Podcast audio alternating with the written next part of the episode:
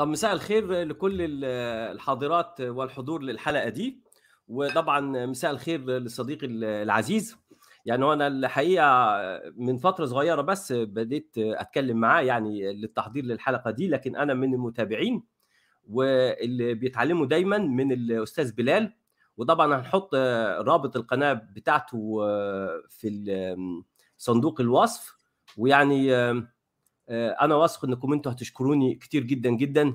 يعني ده بالنسبة للقلة إن وجدت اللي ما تعرفوش قبل كده هو. فالأستاذ بلال يعني موضوعاته كلها ملتزم فيها بشكل يعني يدعو للإعجاب. وأنا شخصيا يعني من أشد المعجبين به بالمنهج العلمي بالاعتدال في التناول في محاولة الفهم في قدرة على الشرح بشكل هادئ ممتع يعني أنا غيران منك. شكرا جزيلا أستاذ إرنست. أنا يشرفني طبعا الحضور اليوم وأشكرك على الدعوة. وأنا أيضا معجب كثير بطروحاتك وخاصة تاريخ المسيحية القديم اللي لا نعرف عنه أي شيء. يعني أعتقد أنك أثريت الكثير كثير من من هذا الموضوع. ويعني أنا سعيد جدا بهذا اللقاء.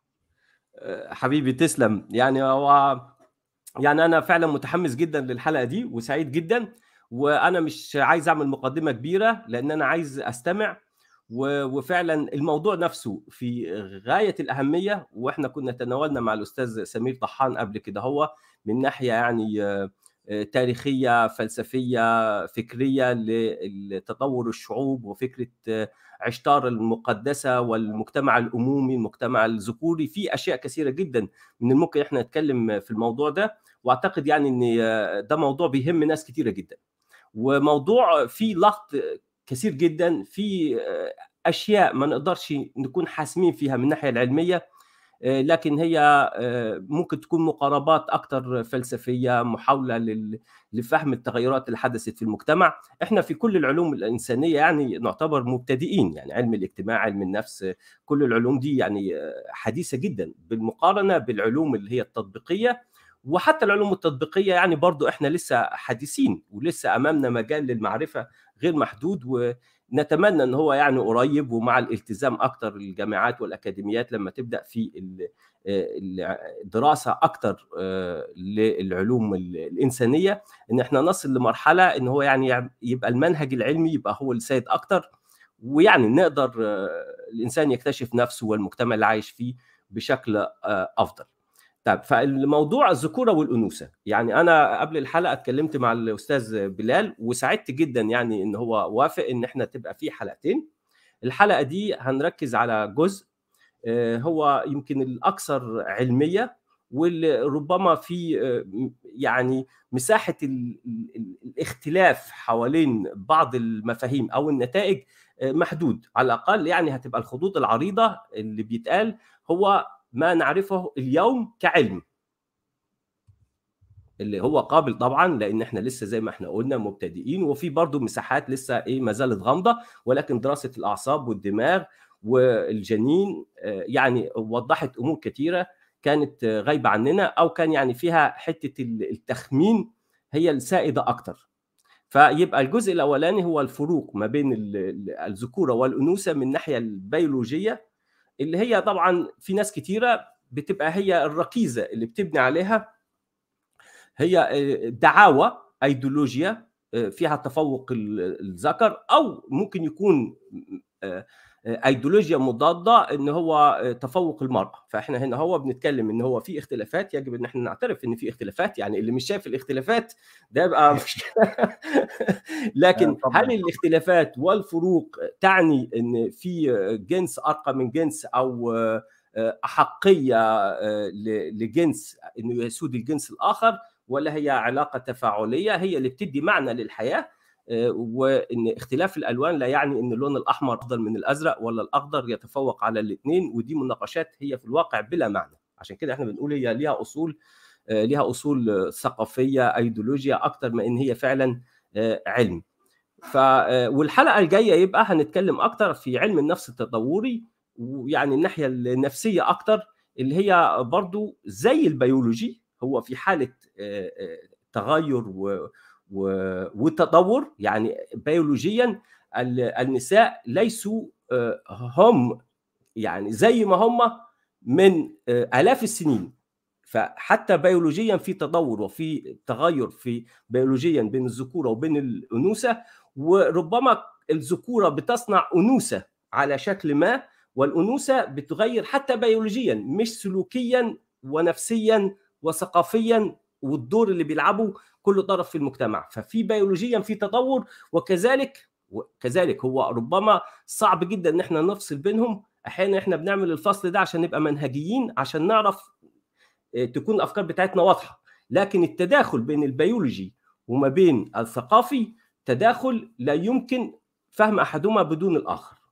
ف ولكن مع ذلك هيبقى الجزء الأولاني ده هنتكلم عن البيولوجي أكتر في الذكورة والأنوثة والحلقة الجاية هيبقى أكتر على الثقافي ويبقى في رحلة كده مع التاريخ ومع المجتمعات البدائية وأشكال المجتمعات والبنى الاجتماعية اللي ناتجة عن فهم مجتمع من المجتمعات لدور الذكر والأنثى داخله اللي هي مش بالضرورة واحدة عند كل المجتمعات بل كل مجتمع في تطور في اختلاف نتيجة يعني عوامل كثيرة جدا بيدخل فيها الثقافة بيدخل فيها الدين بيدخل فيها الاقتصاد بيدخل فيها التجربة الذاتية اللي خاصة بأشخاص وبمجتمعات. فاتفضل صديقي ويعني أنا هسمعك بكل الاستمتاع وسعيد جدا. يعني أنا فعلا الحلقة دي سعيد بيها أيام سعادة. فاتفضل صديقي معك الكلمة. شكرا شكرا أستاذ إرنست. طيب مثل ما تفضل الأستاذ هنا يعني هذه الحلقة حتكون شرح عن البيولوجي أو الفروقات ما بين الذكر والأنثى. فهناك ثلاث أجزاء. الجزء الأول راح نتكلم عن ما هي تأثير الهرمونات على نمو وتطور الإنسان على حتى سلوك الإنسان. عندما يكون من مرحلة الجنين والطفولة والبلوغ. ومن ثم نتكلم عن ما هي الدراسات التي أظهرت لنا فروقات ما بين الذكر والأنثى من حيث عادات معينة من حيث إدراك أشياء معينة من حيث صفات معينة حتى وإن كانت صفات إنسانية أو صفات ما يسمى behavior الاشياء التي التي نفعلها كل يوم. ومن ثم في في الجزء الثالث والأخير نتكلم عن ما هي تأثير البيئة على النمو والتطور وهل هو فقط هرمونات وجينات ولكن هل هناك تأثير بيئي على تشكيل دماغ الإنسان وتغيير دماغ الإنسان بحيث يتجه إلى يعني جندر معين يتجه إلى نحو ذكورة أكثر أو أنوثة أكثر. فنبدأ بالهرمونات بالبداية عندما يكون الطفل أو يكون الجنين داخل رحم الأم. طبعا إحنا نعرف يعني بشكل يعني قطعي أنه الذكر لديه هرمون التستوستيرون يكون عالي بشكل كبير والأنثى لديها هرمون الإستروجين والبروجسترون يكون عالي بشكل كبير لكن الاثنين يمتلكون كل الهرمونات الأنثى أيضا تمتلك تستوستيرون والذكر أيضا يمتلك الأستروجين الأبحاث طبعا هذا كله كلام طبي وبناء على أبحاث وأبحاث طبية وليست فقط يعني ليست أبحاث سايكولوجي أو علم نفس. طيب فمنذ الثمان أسابيع والجنين الذكر داخل بطن الأم. نرى أن مع أن الخصيتان تكون صغيرة جدا لأنه يعني بعدها تنمو لكنها تبدأ بإفراز كميات هائلة من التستوستيرون. وحتى تقترب من المعدل الذي يكون في الإنسان البالغ في الرجل البالغ. هذه الهرمونات وطبعا عند الأنثى نفس الشيء يحصل المبايض تكون صغيرة جدا تبدأ أيضا بإفراز كميات هائلة من الإستروجين. ما لاحظناه أنه هذه الهرمونات تشكل العلاقات أو الأواصر أو الاتصالات ما بين الخلايا العصبية في الدماغ ما يسمى بال neuron أو neuron connections طبعا نحن نعرف أن كل شيء يعني الشخصية المشاعر التفكير اللغة كل شيء يعني ينتج الشخصية وينتج عمليات الكائن الحي هو يأتي من الاتصالات ما بين الخلايا العصبية في الدماغ. فاذا هذه الهرمونات هي التي تسرع عملية الأواصر أو الاتصالات ما بين الهرمونات. فهنا طبعا إفراز هذه الهرمونات يكون طبعا أساسي جدا في تكوين هذا المخ على شكل ال typical أو المخ الذي يتجه نحو المخ الذكوري أو خارطة المخ الذكوري كما يقال بعض المرات أو يكون خارطة للمخ الأنوثي. فبسبب وجود هذه الهرمونات. الآن بعد الولادة نرى أن هذه الهرمونات طبعا تبدأ يعني ينقطع قسم من الهرمونات تنقطع لأنه الطفل انقطع عن هرمونات الأم فتبدأ الطفل بتكوين هرموناته بنفسه. لكن نرى أن ما بين بعد الولادة ما بين عمر السنة إلى السنتين تستمر الهرمونات الجنسية بالظهور بشكل قوي جدا. هذا الشيء موجود فقط بالإنسان وفي القرده العليا أو الأيبس. ولا نعرف لماذا. العلماء لا يعرفون يعني لماذا يستمر هذا فقط لمدة سنتين. بعد سنتين أو في سن الثانية تقريبا ينقطع الهر... تنقطع الهرمونات الجنسية تماما عند الأطفال تستوستيرون وإستروجين. وهذا الانقطاع يستمر إلى مرحلة النضوج الجنسي في مرحلة المراهقة.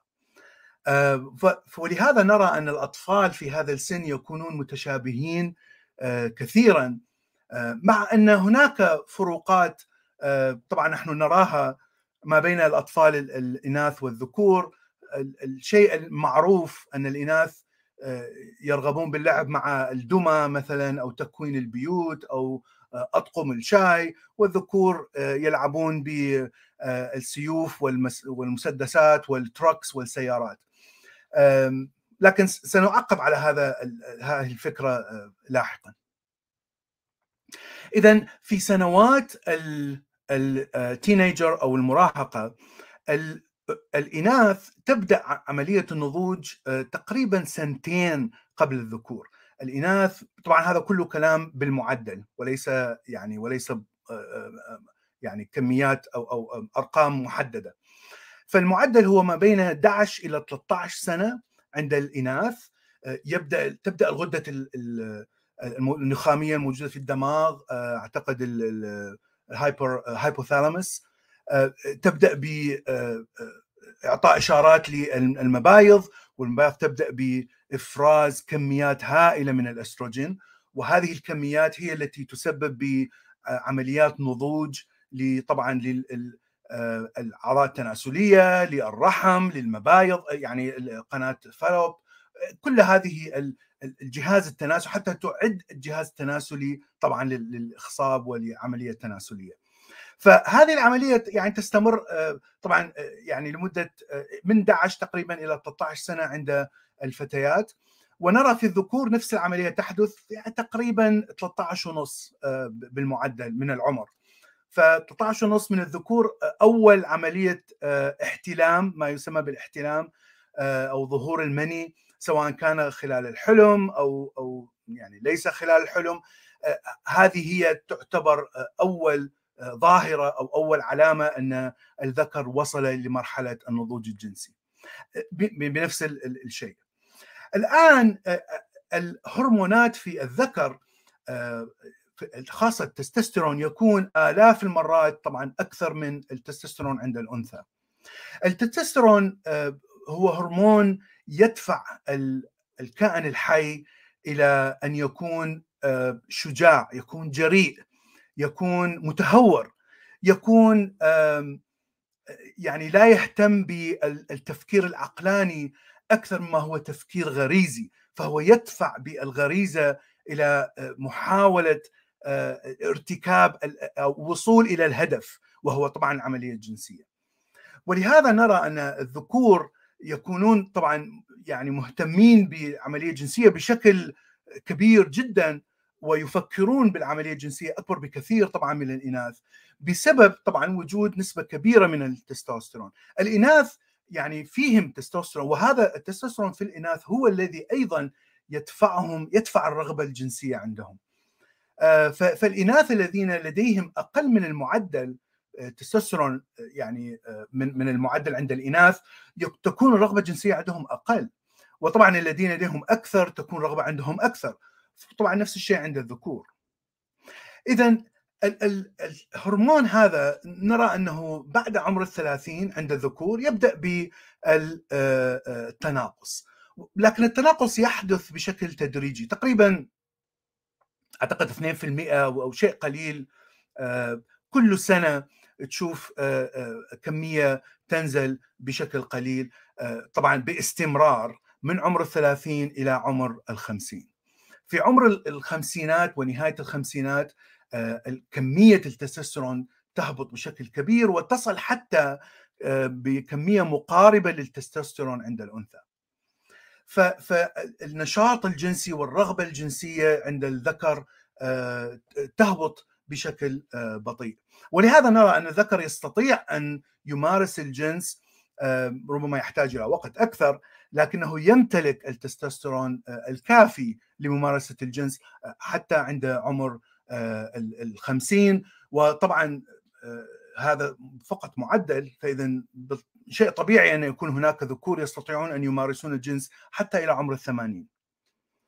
الأنثى من ناحية أخرى نحن نعرف أن هناك شيء اسمه منوبوز أو انقطاع العادة الشهرية. فالمينوبوز عند الإناث يحصل يعني تقريبا حوالي 45 سنة لكنه يحصل بشكل يعني هبوط شديد في في هذا الهرمون. وأيضا يحصل هبوط شديد في في هرمون آخر هو البروجسترون والبروجسترون يعطي كثير من الخصائص الأنوثية للأنثى.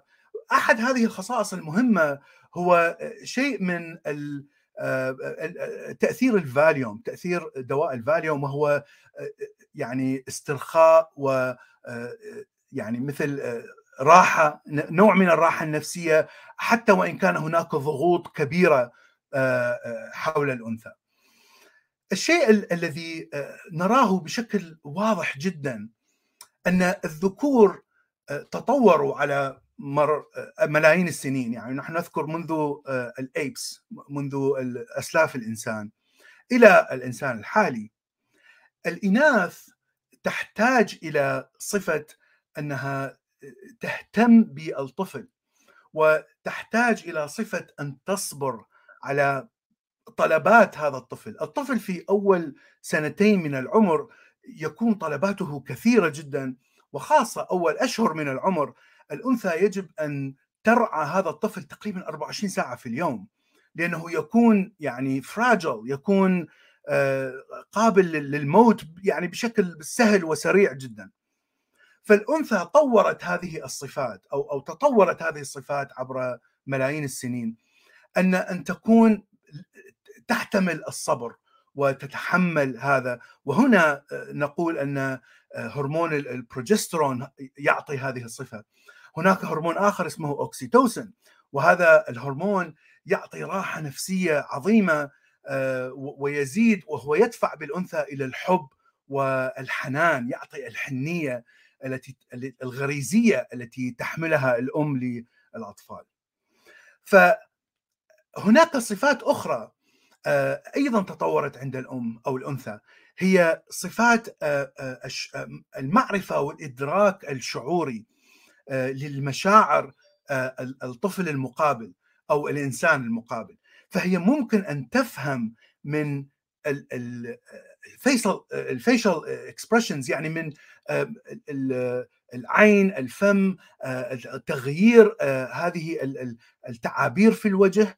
تستطيع أن تفهم مشاعر هذا الشخص. هل هو سعيد؟ هل هو حزين؟ هل هو مريض؟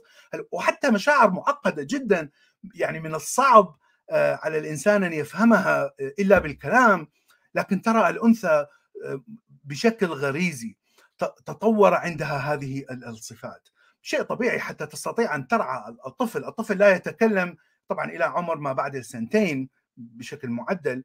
وحتى نعرف إذا كان الطفل مريض متضايق فرحان سعيد إلى آخره يجب أن تفهم الأنثى أكثر صفات الوجه والحركات وحركات الجسم والى آخره.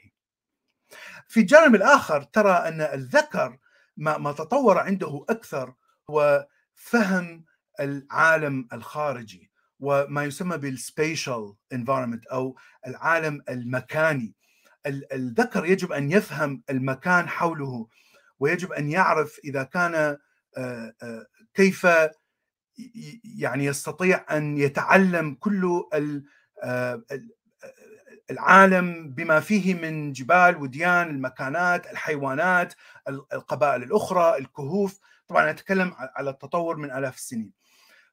فمقدرة الذكر على معرفة المكان هذه الصفة أيضا تطورت مع الزمن. طبعا أيضا تطور معرفة الذكر أو آه، آه، أفضل معرفة للذكر بالرياضيات آه، صناعة الأدوات الأشكال الهندسية ما يسمى بالجيومتري شيبس. فايضا نرى أن هذه الصفة تطورت بشكل أكثر طبعا مع الذكر. طيب الآن نذكر ما هي ال الأشياء التي تؤثر مثلا آه، على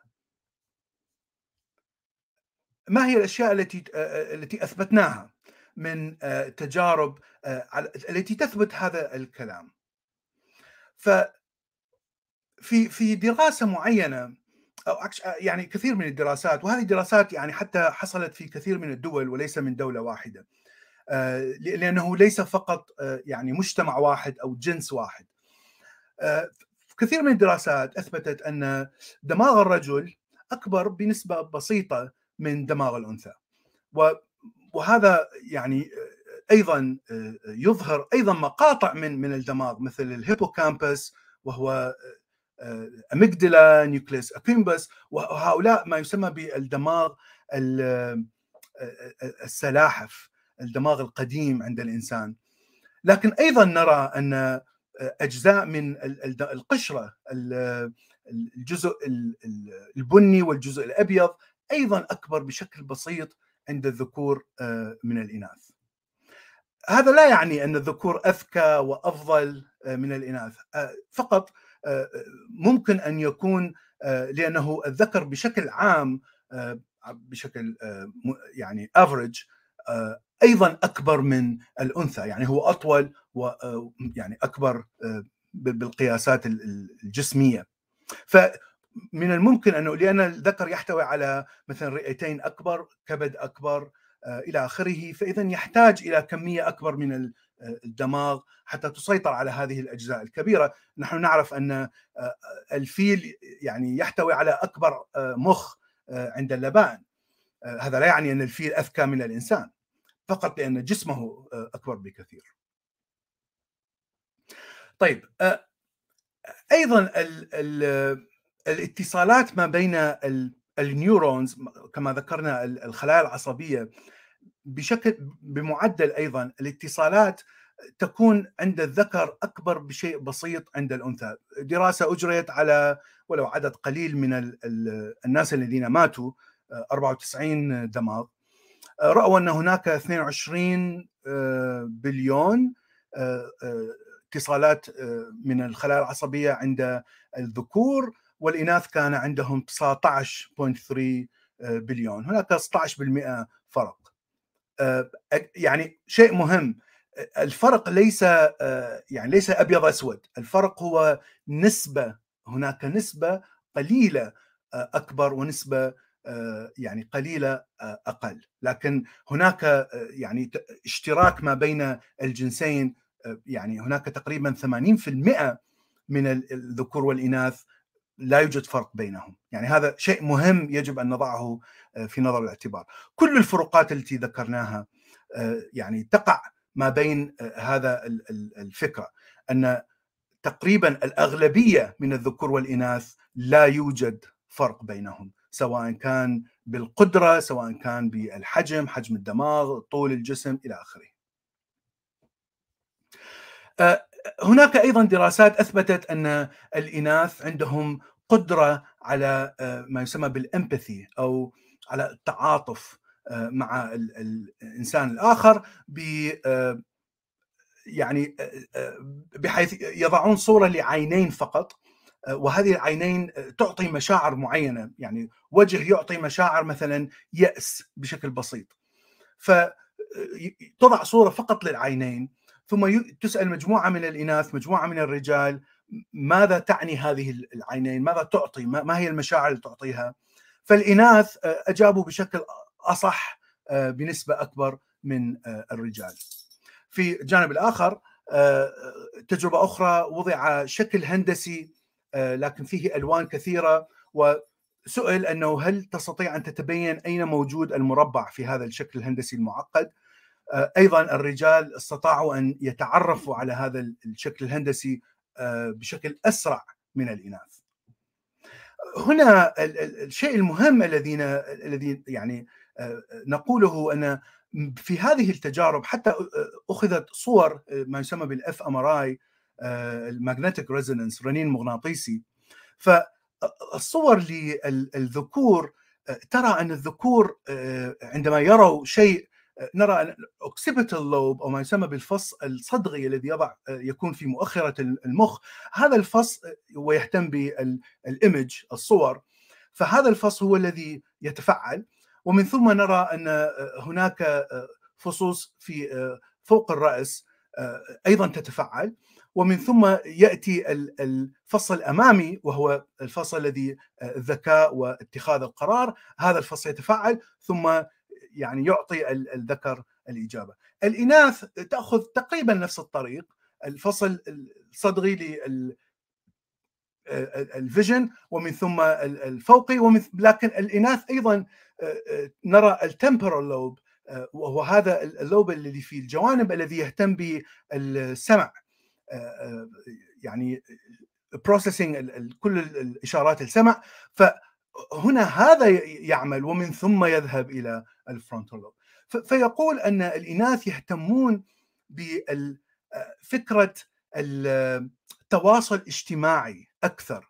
الإناث لديهم لأنه الاتصال اتصال ما بين الفص الفوقي والفص الجوانب.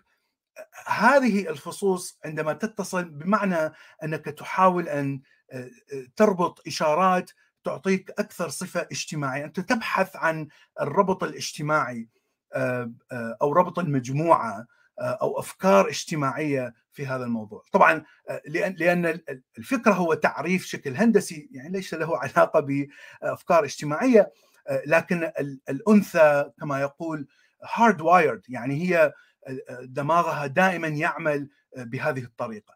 طبعا هذا كما ذكرنا ليس 50% 50% كما ذكرنا. يعني هناك جزء بسيط من الإناث الذين يظهر عندهم هذا بشكل كبير. طيب.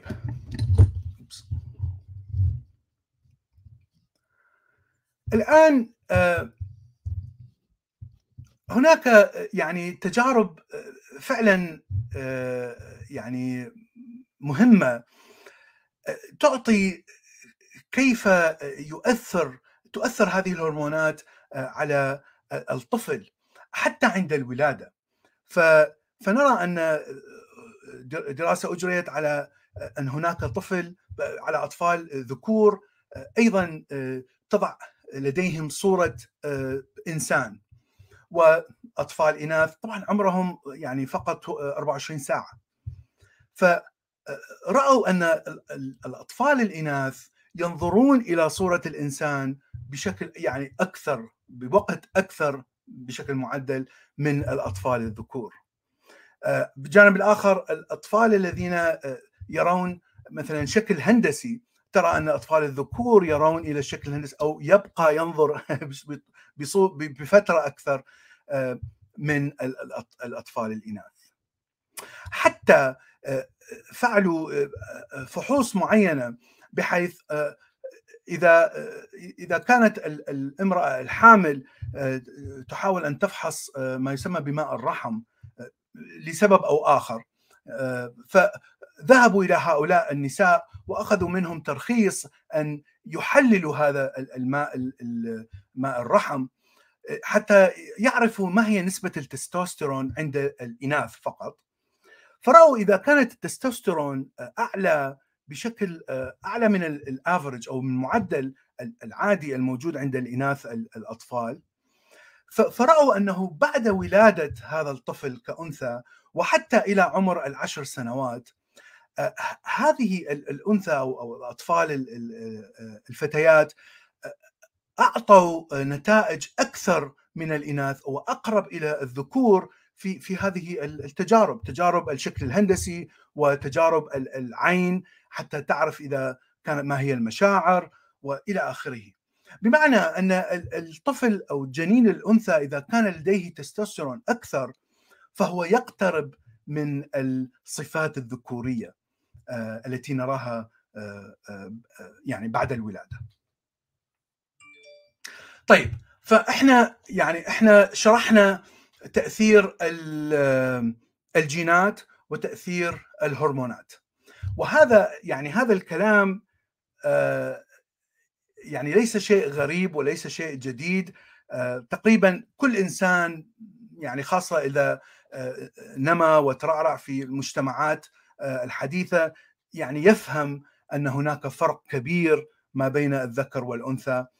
لكن هناك كثير من الأفكار التي آه، أتت على تبعات هذا الكلام.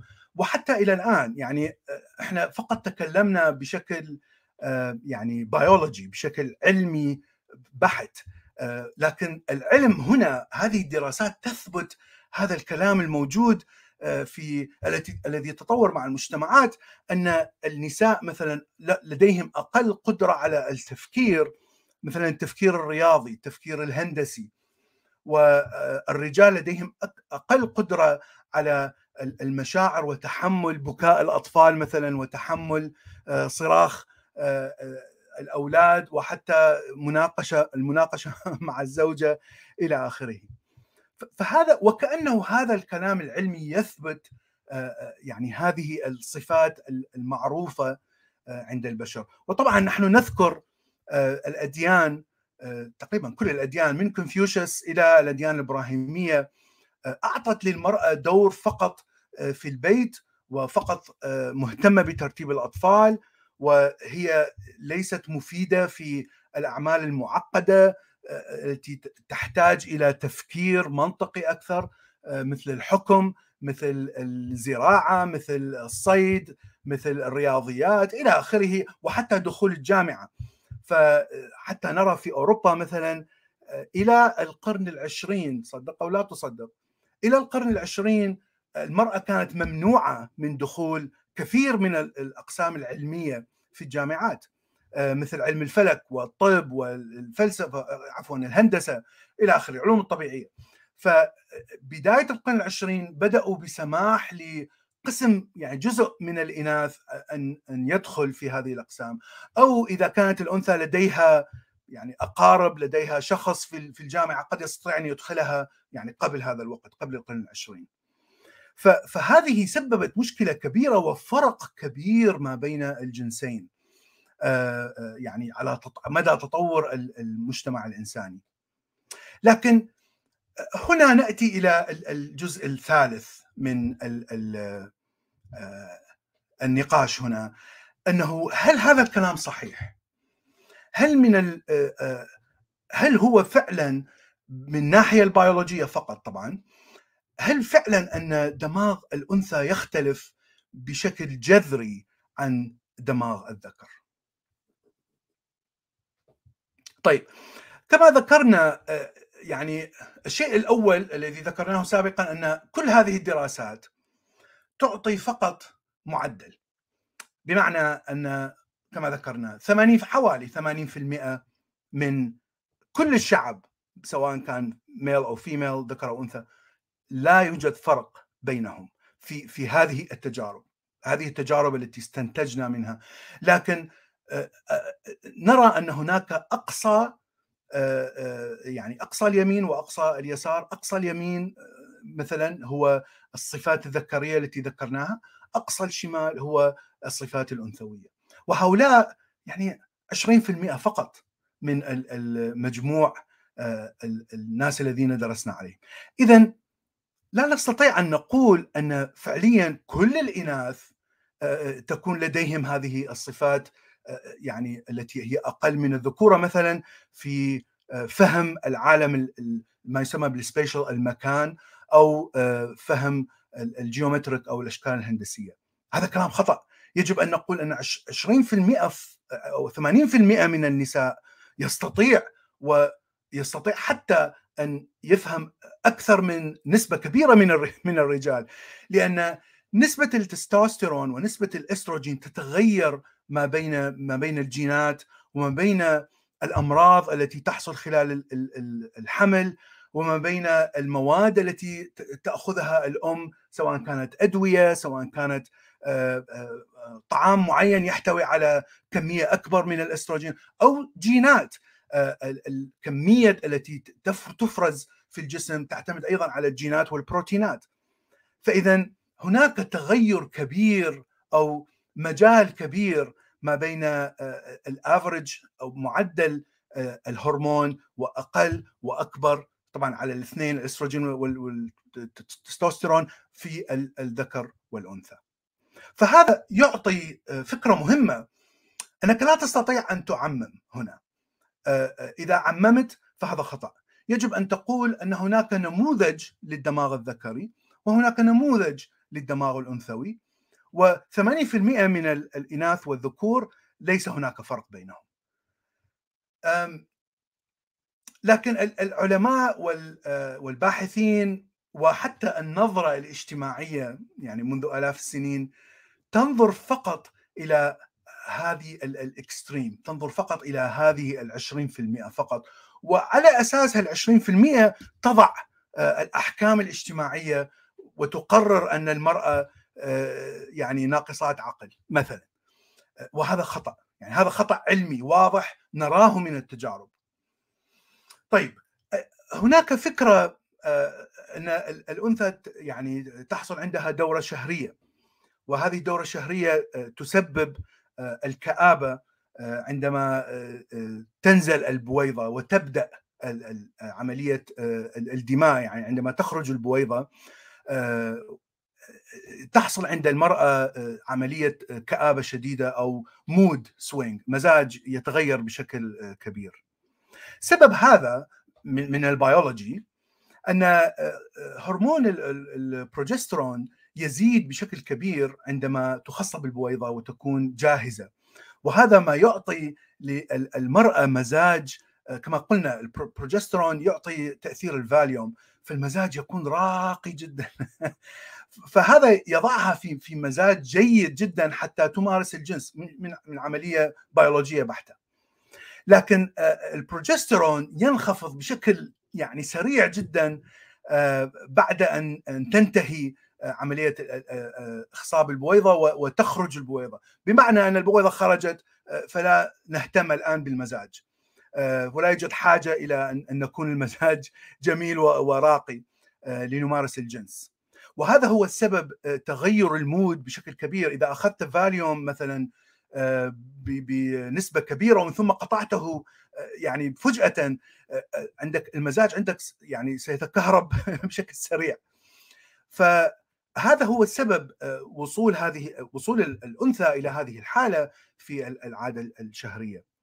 لكن طبعا هناك درجات في كمية البروجسترون التي ترتفع وكمية البروجسترون التي تنخفض وهناك أيضا درجات لتأثير أو استجابة جسم الأنثى للبروجسترون أيضا.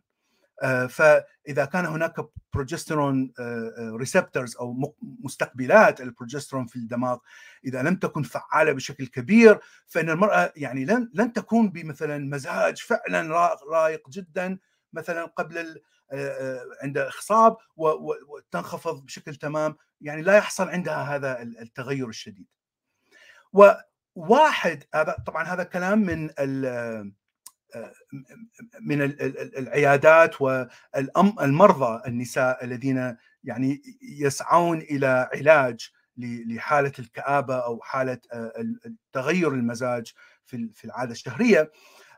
هناك تقريبا واحد من كل خمس نساء تحصل عندهم مشكلة كبيرة بحيث لا تستطيع أن تسيطر على هذا المزاج السيء وتؤثر على حياتها بشكل تام بحيث لا تستطيع أن تقرر لا تستطيع أن تفكر لا تستطيع أن تعطي الحنان اللازم مثلا للأطفال للزوج للمجتمع للعمل. فتقريبا حياتها تتعطل تماما لمدة خمسة أيام بعد نزول البويضة. لكن كما ذكرنا واحد من خمسة هناك 20% فقط من النساء الذين لا يستطيعون أن يمارسوا حياتهم بشكل طبيعي. وطبعا العلم الحديث اكتشف كثير من الأدوية التي تعالج هذه المشكلة بحيث إما يعني تعطي بروجسترون أكثر أو تمنع هبوطه بشكل شديد إلى آخره، هناك كثير من من الأدوية التي تساعد على هذه الحالة. من جانب آخر هناك مشاكل عند الذكور. يعني الذكر الذي يمتلك تستوستيرون بشكل كبير جدا وهذا أيضا أثبتت بالتجارب عند الإنسان. أنه يكون ما يسمى بالإنجليزية كاكي يكون مغرور بنفسه بشكل أكثر من الطبيعي. وهذا يدعو إلى إعطاء الثقة أكثر بالمقابل وهبوط نسبة التفكير في في المنطقة الأمامية للفصل الأمامي للمخ مما يجعل الذكر أغبى من المعدل. فيجعل الذكر يعني دائما قراراته تكون خاطئة ولا يفكر بشكل تحليلي أكثر عندما يتخذ حتى وإن كانت قرارات مهمة جدا في حياته. فترى أن الرجل الذي يكون ممتلئ بالتستوستيرون يعني طبعا بشكل أكثر من الافرج بشكل أكثر من المعدل هذا الرجل لا يستطيع أن يعمل مثلا طبيب أو مهندس لا يستطيع أن يتعلم رياضيات يعني تكون تعليمه مثلا فقط يعني فيزيائي يستطيع أن يكون عضلات شديدة يستطيع أن مثلا يفعل أشياء فيزيائية لكن ليست أشياء عقلية بحتة.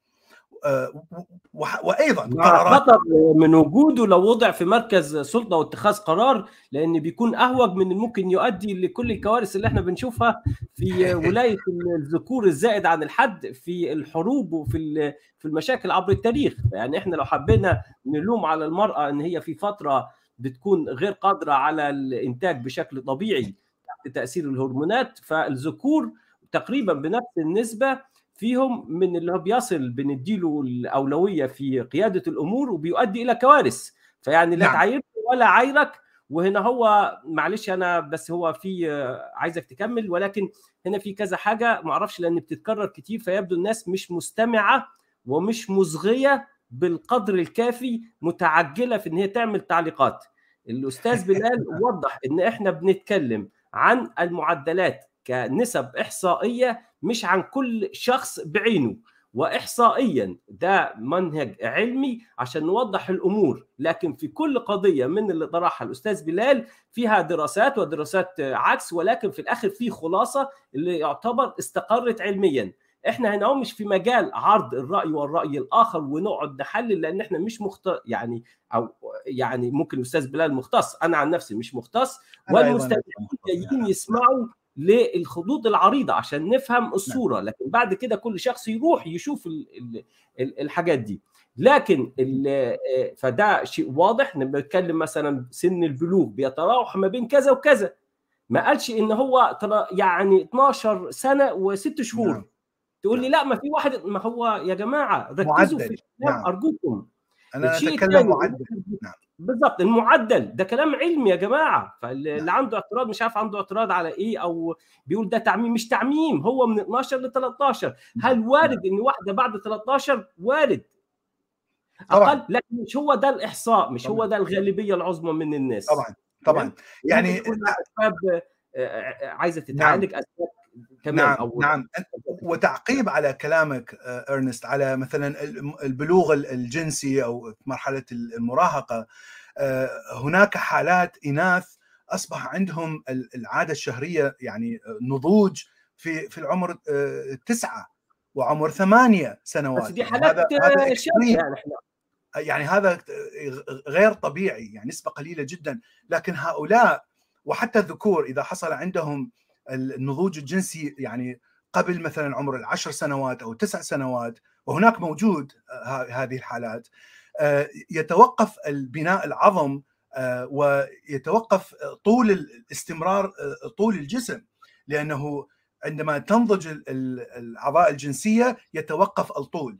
ولهذا هؤلاء إذا ذهبوا إلى أطباء الأطباء يعطونهم أدوية لتوقيف عملية النضوج حتى يستمرون بالطول يعني مساكين راح يصيرون قصر قصر القامة.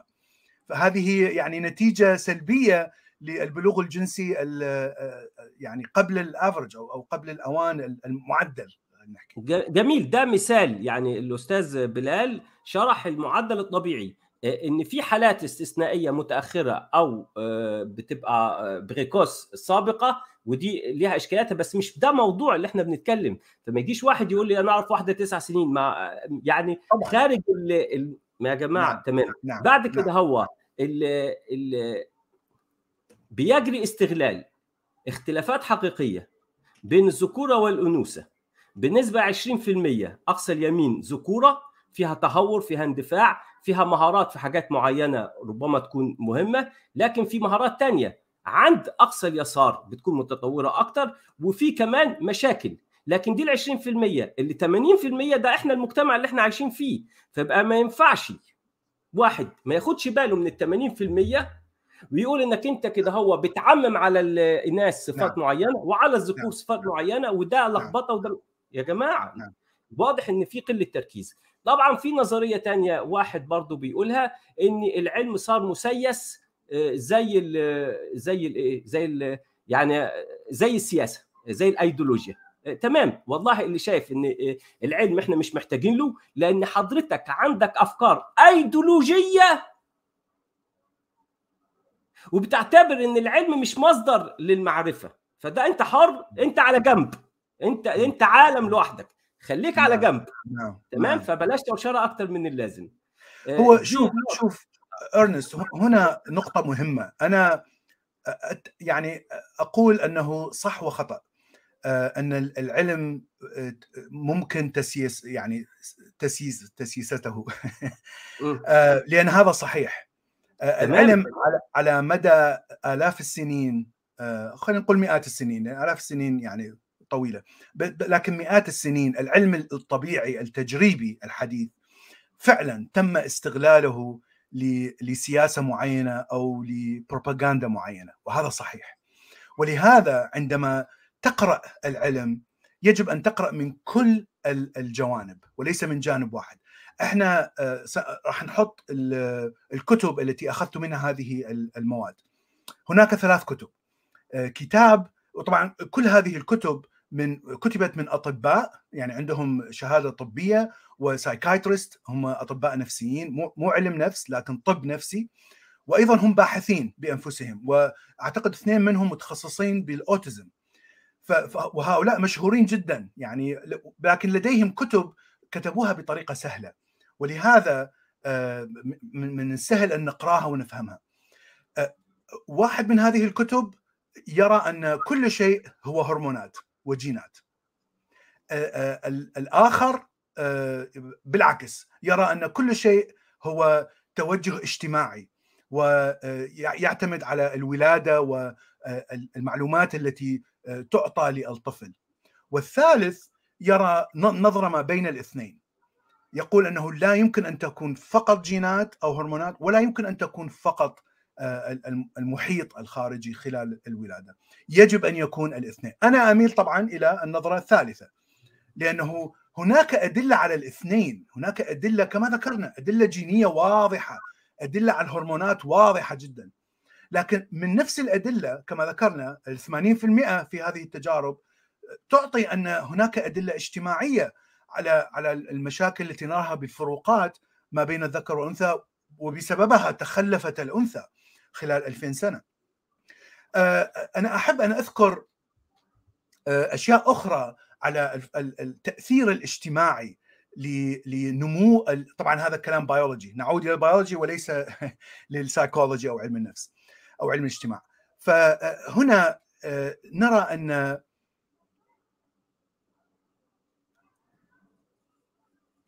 الفروقات في الجندر عندما يتعلم الطفل أنه أنثى أو أنه ذكر هناك كثير من الصفات التي يعني تنتقل مع هذه المعرفة يعني أنت لا تقول للطفل أو للأنثى أنت أنثى أنت تقول له أنت أنثى وستحبين هذه اللعبة ويعني تعالي سوي يعني اعملي مثلا موديل للمطبخ موديل لغرفة النوم ورتبي غراض المطبخ. فأنت أنت تعطي لها إيحاء بأنها تعمل داخل المنزل فقط وأيضا أنها ترعى الأطفال. نفس الشيء بالنسبة للذكر، أنت تعطي للذكر ألعاب ليجو، تعطي ألعاب فيها geometry، فيها أشكال هندسية، فأنت تنمي الدوائر التي يعني ستكبر مع فهم الأشكال الهندسية. نقول هذا الشيء لأن الدماغ كما ذكرنا الدماغ يتكون أو أو الشخصية أو الصفات أو بروز العلم أو المعرفة يتكون من العلاقات ما بين الخلايا العصبية. وهذه العلاقات في تكون وتغير مستمر خلال حياتك كلها ليس فقط خلال الطفولة والمراهقة. أنت دماغك في تغير مستمر كلما تتعلم شيء جديد في حياتك حتى إذا كان عمرك 80 سنة إذا تعلمت شيء جديد أو معرفة جديدة لا تعرفها سابقا انت كونت أواصر ما بين الخلايا العصبية. يجب أن تتكون الأواصر حتى تكتسب هذه المعرفة وهذه الأواصر تبقى في الدماغ. إذا بقت هذه المعرفة بمعنى أنك تعلمت أكثر عن هذا الموضوع بدأت تقرأ أكثر هذه الأواصر تبدأ تكون أقوى. تكون كيميائيا أقوى وتكبر وتكون أواصر أخرى وأخرى وأخرى. إذا تعلمت شيء على السريع ومن ثم لم تقرأ بعدها بعد فترة يعني لم تركز على هذا الشيء مرة أخرى هذه الأواصر ستختفي ستضمحل كيميائيا. فاذا من السهل على أنك تبني هذه الأواصر داخل الطفل. إذا بنيت أواصر حب البيت وحب الدمى للفتاة فهذه الأواصر حب البيت أواصر صفة أنك يعني تحب شو اسمه وصفة أنك تتعرف على الوجوه لأنك عندما تنظر إلى دمية فأنك تزيد من الأواصر الاجتماعية أو الصفات الاجتماعية عند الأنثى. فأنت تقوي هذه الأواصر لكنك لا تقوي أواصر الأشكال الهندسية. ولهذا الإناث أقصى الإناث لا يستطيعون أو أو لا يسجلون درجات أفضل من الذكور لأن الذكور تعلموا هذه الأواصر. وهذا شيء مهم لأنه في في إحدى التجارب التي ذكرناها الذكور الذين سجلوا نقاط أفضل في تعلم الشكل الهندسي رجع الدارسين بنفس الديتا بنفس المعلومات الذين أخذوها لهذه الدراسة. ومن ثم يعني فحصوا من كان لديه مثلا دراسة رياضيات دراسة هندسية من كان يلعب بقطع ليجو مثلا عندما كان طفل. ورأوا أن هناك فرق واضح ما بين مجموعتين بغض النظر عن عن ذكر أو أنثى. يعني أصبح هناك خليط من ذكر وأنثى في كل مجموعة وهناك مجموعة واضحة أنها سجلت نقاط أفضل في التعرف على الشكل الهندسي لأنها درست رياضيات هندسة إلى آخره. فإذا بناء الدماغ خلال الطفولة والمراهقة عملية مهمة جدا في تغير وتشكيل الصفات التي ستنتهي بصفات أنوثية أو صفات ذكرية. فهذا يعطي كيف يؤثر المجتمع، طبعا نحن لا نتكلم فقط عن البيت يعني أنت ترى الميديا التلفزيون الأفلام الدعايات المدرسة المدرسات شيوخ الدين شيوخ حتى جزء من من الشيوخ العلم أو أو دارسين العلم كتب علمية الكتب الاجتماعية كلها قسم منها طبعا تعطي نفس الأفكار. فأنت فعليا تشكل دماغك على أساس هذا القالب الذي يعطيك الذي يعني يضعك فيه المجتمع. فهذا أيضا شيء خطأ. يجب أن نعي وندرك أن الأطفال ممكن أن يكون لديهم الاثنين ممكن أن يكون لديهم صفات ذكورة أكثر أو صفات أنوثة أكثر مهما يكون الجسم مهما يكون الفيزيكال أو الفيزيائي لكن من الطبيعي أن مجموعة إناث إذا أخذنا مجموعة من الإناث سنرى أن صفة الأنوثة تظهر بشكل أكبر بشكل معدل واذا اخذنا مجموعة من الذكور طبعا نفس الشيء صفة الذكورة ستظهر بشكل معدل. هناك يعني موضوع آخر يعني سأقف عليه بشكل سريع. هو ماذا عن الناس الذين لا يعرفون أنفسهم بنفس الجندر؟ طبعا هذا يدخل أيضا ضمن المثليين ال transgender وال gay كيف لماذا يعرف الإنسان نفسه أنه أنثى مع أنه جسمانيا ذكر؟ هناك تعريف يعني هناك جواب من العلم البيولوجي هناك مرض نسيت اسمه لكن ال receptors أو مستقبلات هرمون التستوستيرون في الجسم كله ليس فقط في الدماغ تكون معطلة نتيجة يعني هناك وهناك يعني أسباب معينة قسم منها جينية أيضا. فالطفل أو الجنين مع انه وجود التستوستيرون بشكل كثير في في الولادة قبل الولادة لكنه لا يستجيب لهذا الهرمون. فينمو بشكل فيزيائي ينمو بشكل جسم أنثى وليس ذكر.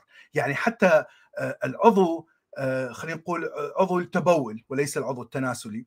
عضو التبول يكون بشكل عضو أنثوي وليس ذكري.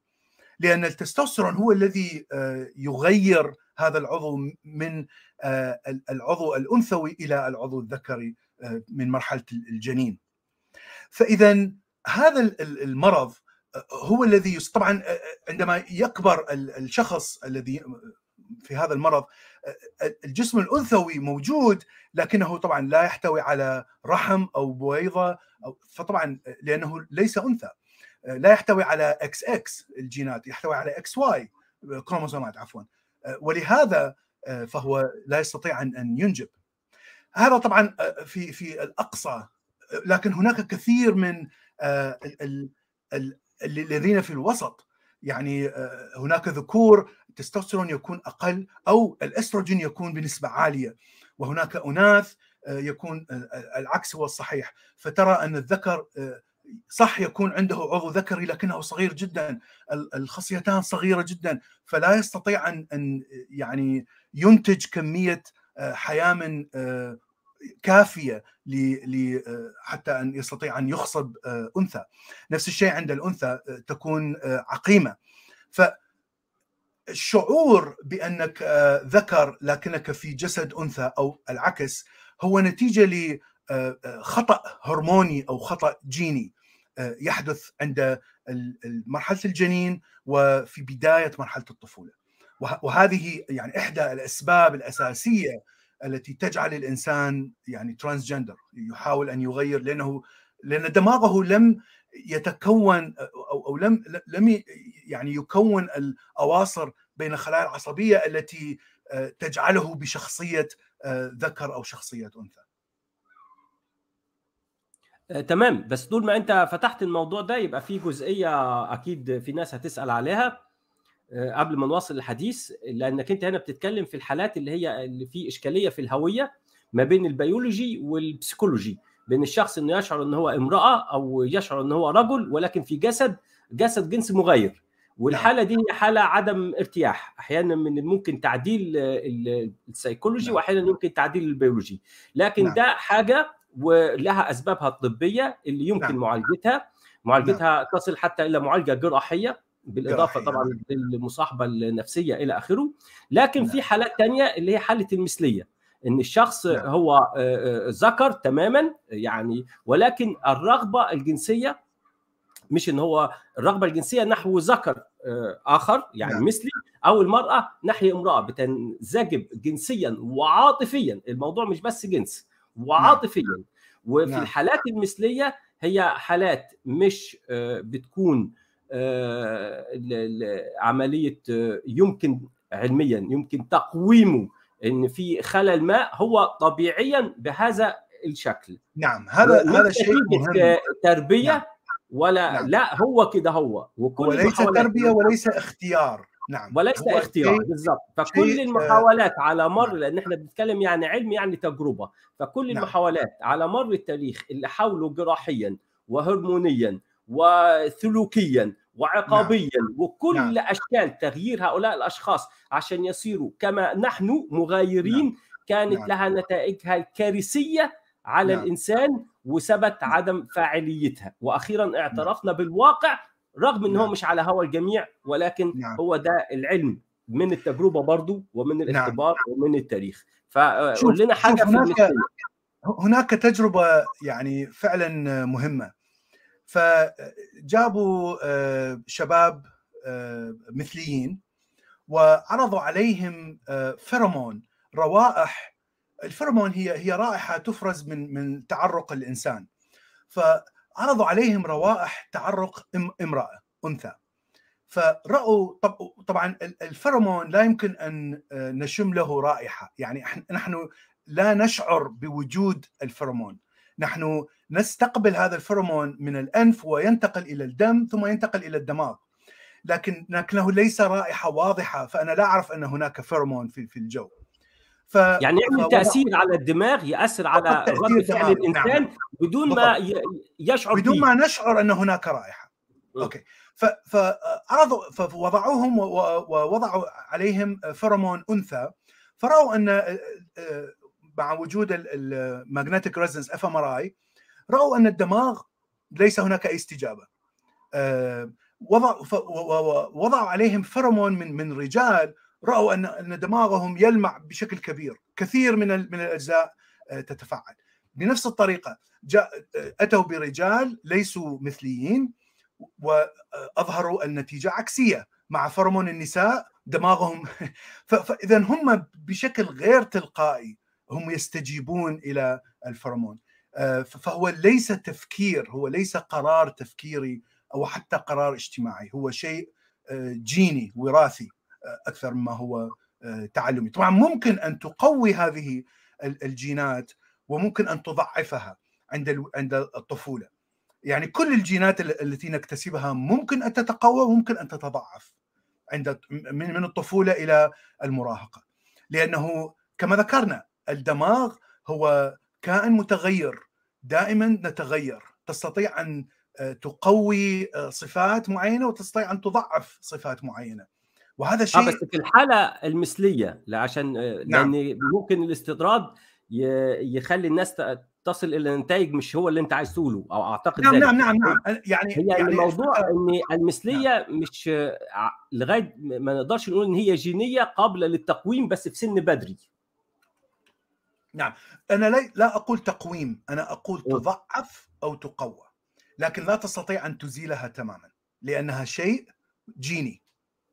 كما ذكرت يعني تضاعف ما هي ما هي المشكلة إن هي أكثر تعقيدا من تضاعف. جينية يا تضعف بمعنى إن الإنسان الذي يبلغ في في مجتمع ديني بحت وهو يعني مثلي م. وهذه نراها كثير في في المجتمعات ال- ال- الشرقية والعربية الإسلامية حتى نراها في مجتمعات المسيحية المتشددة في أوروبا وأمريكا فهو يعني يعلم بشكل شديد أن المثلية جريمة ولا يجب أن أن ترتكب وسيذهب إلى النار فهذا يضطر إلى أن يتزوج ويمارس الجنس مع الزوجه آه، ويحصل عنده مثلا آه، كآبة ديبرشن كبير أو يمارس الجنس مرة مرتين ثم ينقطع لأنه لا يتحمل يعني شيء مقرف بالنسبة له.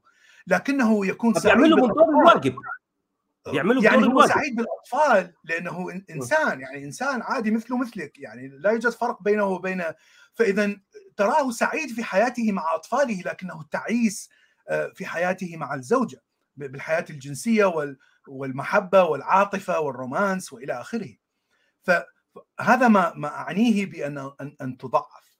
فأنت تنتج إنسان تعيس بمعنى الكلمة أو تنتج إنسان يجعل الزوجة تعيسة. ونفس الشيء إذا كانت المرأة مثلية والزوج غير مثلي نفس الشيء يحصل. المرأة تكون يعني منقرفة من الزوج وترفض الجنس دائما لكنها تعشق الأطفال وتحبهم بشكل كبير وتعطيهم حنية وحنان.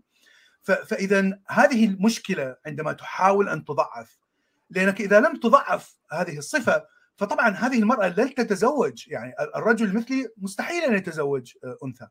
لأنه لا لا يرغب الرغبة غير موجودة أصلا آه وهو آه من باب إنه يبقى جزء من المجتمع ومقبول اجتماعيا فبيتجوز ولكن هو إنسان بيبقى تعيس من الممكن نعم. بيمارس الموضوع ده من أجل إن هو يجيب أولاد بالمشقة بالمشقة بال نعم. يعني بالمعاناة بالقرف بال... نعم. نعم. وبعض السيدات بياخدوا حاجات كده عشان ما يحسوش بحاجة من من بشاعه اللي بيعيشوه يعني أنا أحكي عن شيء أنا سمعته من واحدة مثلية إن هي يعني يعني ما لازم تتجوز فاتجوزت.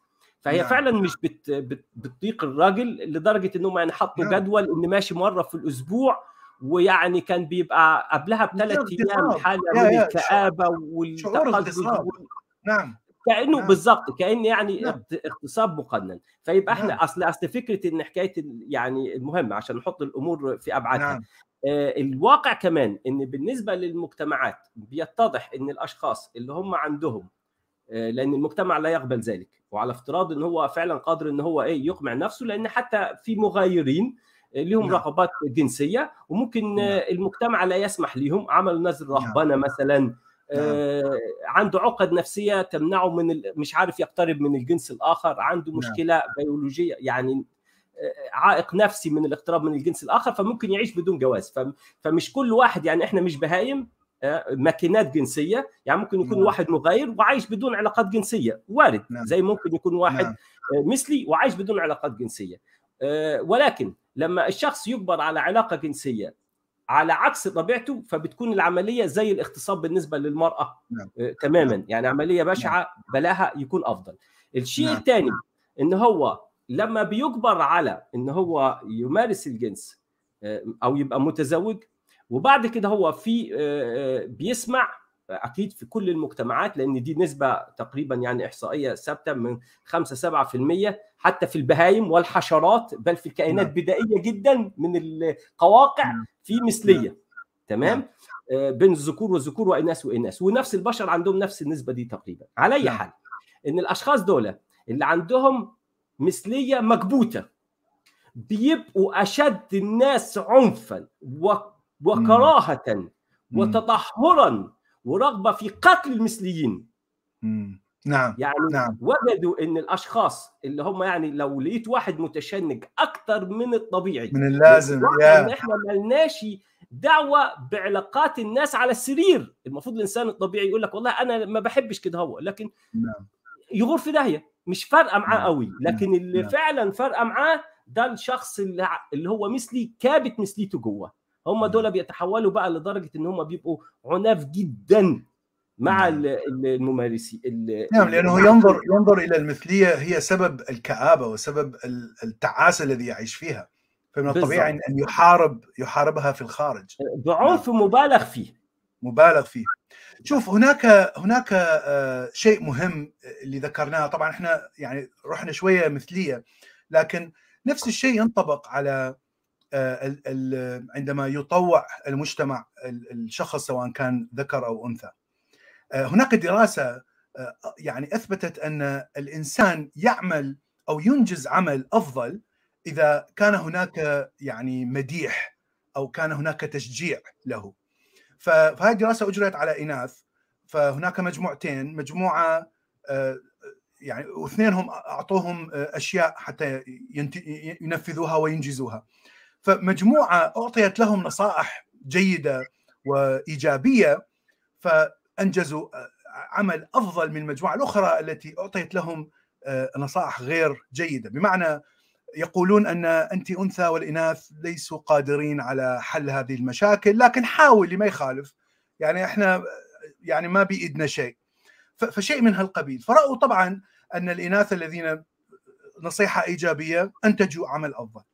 بمعنى أن وشيء آخر مهم أن عندما ترى مكانات التي تفعل في الدماغ عندما تشعر بالألم الالم الجسمي نفس المك... نفس المكانات تفعل عندما تحصل على يعني نصيحة سيئة أو أو قول سيء على أنك شخص سيء مثلا. فإذا كنت أنثى في مجتمع ذكوري بحت وتريد أن أن تتعلم وتريد أن تستقل مثلا بذاتك وتخرج وتعمل. وترى الكل يقول لك عيب يعني هذا كلام خطأ هذا كلام كذا أنت فاجرة أنت عاهرة أنت كذا. فهذا الكلام سيولد كما ذكرنا إشارات الألم داخل الدماغ. والدماغ يحاول أن يتجنب هذه الحالة. يعني الدماغ دائما يحاول أن يتجه إلى اشارات الإيجابية حتى يتخلص من حالة الألم. ولهذا الأنثى في هذه الحالة 90% من الإناث في هذه الحالة سوف يتجنب هذه الحالة ويتوقف عن هذه الرغبة. لا وعندما يتوقف عن الرغبة ترى الكل آه مضبوط أنت الآن مؤمنة أنت ستدخلين الجنة أنت أفضل أنت خيرة. فمن الطبيعي أن الدماغ سيشعر بشعور رضا وشعور جيد. فهذه هي المشكلة عندما يؤثر المجتمع. على على البيهيفير آه بس هنا الإنسان بيعيش صراع ما بين ما هو لأن في شعور بالرضا عن النفس نتيجة قبول المجتمع ليه. ولكن في نعم. نفس الوقت ده مخالف لطبيعته. فالواقع إن هو بيدخل في صراع. نعم. لكن مع الأسف الأغلبية يخسرون هذا الصراع. يعني يعني حسب التجارب العلمية أغلبية الناس يخسرون ويستجيبون للضغوط الاجتماعية هناك قلة ممكن أن يعني لا تؤثر عليهم هذه الضغوط لأنه لديهم يعني تصميم وإرادة أقوى بكثير من من البقية. وهناك حتى نسبة قليلة في الجانب الآخر يعني يصير عندهم كآبة شديدة لأن الرغبة تكون قوية لكن ليس لديهم هذه الإرادة أنه أكسر هذا الحاجز فإما يصير عندهم كآبة مزمنة أو انتحار. يعني وهذا شيء. موجود في الدراسات الاجتماعية، يعني هذا ليس شيء جديد أو أو غريب. يعني هذا شيء مثبت. فهذا شيء مهم جدا ان ان أن نقول أن المجتمع يغير من طبيعة الإنسان. وممكن أن يعني ممكن أن يعطي هذه النتائج التي نراها. لماذا مثلا جوائز نوبل هي 90% رجال لماذا رؤساء العالم 90% رجال لماذا السؤال يعني... ده طرح وأنا كنت ناوي أسأله لك فلكن نعم. كويس إنك أنت يعني الناس اللي بتستعجل في الأجوبة إن كل دي أمور يعني أكيد يعني أغلبها هيجي لسبب بسيط جدا إن هي المطروحة نعم. نعم. غالبا واللي أساسا يعني برضو العلم إدى جواب عنها نعم. وهنا بس بعد لما تخلص أتكلم عن موضوع العلم لأن في واحد حب بي طبعا من الناس اللي بتعمل مداخلات بس طبعا ما بيوقفش نعم. في التعليقات. أنا عملت له على اي حال block وأخمن أنا مين هو الشخص ده اللي هو عايز يسحب الموضوع دايما لموضوع تاني وياخدنا بس إحنا مش بنتسلسل كده هو وهنحافظ على الموضوع. ولكن فكرة عبادة العلم وهل اللي بنقوله ده علمي أو مش علمي؟ وأنا في البداية عملت تعليق يعني كان بالصدفة كان رد لكن الناس دي مش بتسمع أساسا. مش بتسمع هم داخلين عشان يعملوا شوشرة في الشات ويسحبونا إلى مناطق بتاعتهم ونغير نعم. في كل مرة نتكلم في أي موضوع يسحبونا إلى موضوع تاني. نعم. طيب نعم. فيبقى نقطة نقطة بس بالشيء اللي ذكرته. تفضل الفرق الأساسي ما بين العلم وأي فكرة أخرى. لكن خلينا نأخذ الدين بشكل خاص لأنه هو هذا الشيء المنتشر. في في الشعوب العربية العلم لا يفترض حقيقة ومن ثم يحاول أن يثبتها. العلم يعطي افتراضية ومن ثم يرى بالتجارب إذا كانت هذه الافتراضية صحيحة أو غير صحيحة. التجارب ممكن أن أن تخرج بافتراضية أخرى وممكن أن تعطي آه، أدلة على أن افتراضية أخرى هي الصحيحة ممكن فأنا كانسان اؤمن بالبحث العلمي يجب أن أكون تماما آه، آه، مقتنع بفكرة أن أي افتراضية أضعها قد لا تكون صحيحة. فأنا أبدأ من افتراضية وأنتهي ب إما افتراضية صحيحة افتراضية أخرى صحيحة أو لم أجد أي نتيجة. لا يوجد نتيجة لأي افتراضية. فاذا هذا هو نتيجة التجارب. واحد. اثنين إذا أنا أثبت بتجارب على افتراضية أنها صحيحة أو بأي نتيجة معينة يجب أن يعمل نفس نفس التجربة شخص آخر ويخرج بنفس النتيجة. إذا عمل نفس التجربة أشخاص آخرين ولم يخرجوا بنفس النتيجة اذا عملي أنا مشكوك فيه ليس صحيح 100% هاي الشيئين مهم جدا وهذا هو الفرق الأساسي ما بين العلم والدين. الدين يفترض حقيقة ومن ثم يستعمل العلم حتى يثبت هذه الحقيقة. هذا ليس علم. يعني هذا هذا ترقيع. هذا ليس علم. يعني لأن لأنك إذا أجريت تجارب وظهر لك أن الحقيقة الدينية خطأ سوف تتوقف وتغير من التجربة وتحاول أن تعدل وترقع من التجربة حتى تخرج بنتيجة مساوية للحقيقة الدينية. الشيء الآخر إذا شخص آخر عمل نفس التجربة ووصل إلى مثلا حقيقة تختلف فأنت تقول هنا خطأ فأنت تحاول أن تنتقد هذا الشخص ليس لأن النتيجة ليس لأن طريقته خطأ لكن نتيجته تخالف. هذا ليس علم وليس بحث تجريبي هذا ترقيع ديني. ولهذا أي إنسان يعني يقول أن يعطيني حقائق وإثباتات أو شعارات على أن الدين صحيح والدين كذا والدين كذا هذا كلام ترقيع هذا ليس كلام علمي. اثبت لي بالتجربة أن هذا الكلام صحيح. ويجب أن تبدأ ليس بحقيقة دينية. ف ولهذا كل يعني هناك كثير من العلماء متدينين وأنا أحترمهم لأنهم لا يخلطون بين العلم والدين. شرودنجر أحد العلماء الذين يعني نوابغ الذين بنوا نظرية الكم كان متدين وكان يؤمن وحتى وضع كتاب عن كيف إثبات وجود الله. كان مسيحي. لكنه لم يدخل فكرة الله والدين واللاهوت وإلى آخره لم يدخلها في نظرية الكم. نظرية الكم شيء تجريبي. ما راحش قرا بسفر التكوين آه، وراح يستنتج منها نظريه وحب يثبتها. يا وترى بالجانب الآخر يعني العمود الآخر لنظرية الكم هو هايزنبرغ. كان ملحد. هايزنبرغ لم يؤمن بوجود إله لكنه وضع العمود الآخر لنظرية الكم. فترى نظريه الكم أتت من من فكرين من شخصين واحد ملحد وواحد مؤمن. لكن الإيمان لم يتدخل في التجارب. وهذا هو المهم. هذا تمام. هذا الشخص أنا أحترمه كإنسان علمي. أنا لا دخل لي بأفكاره الدينية. لهذا شيء شخصي. انت انت أنت تؤمن بأي شيء. أنا أنا يهمني الأسلوب العلمي التجريبي الصحيح الذي نستطيع أن نبني عليه تجارب وأفكار علمية أخرى. انت بتحب البامية وأنا بحب السبانخ ده ملوش علاقة بان إحنا آه، لما نتكلم في قضية علمية طيب نعم. يعني بالضبط. ده من باب الضحك ان إحنا المفروض نخلي القناعات بالضبط. الدينية أو الافكار الغيبية أو بالضبط. اللي برتاح لها وكانما يا يا وكأنما أنا أحاول أن أثبت تجارب الدماغ بحب البامية وليس حب السبانخ والواقع إنك أنت لو حبيت تثبتها هتلاقي إن البامية فعلا فيها عناصر مفيدة جدا واستطيع علميا. كما ذكرت. فيها فيتامين كذا وضد مرض كذا وضد مرض كذا. اذا فهي فهي على صحيحة. القائمة الغذائية ملكة الخضار. وأنا اسف برضه لأنه ترقيع بالضبط آه.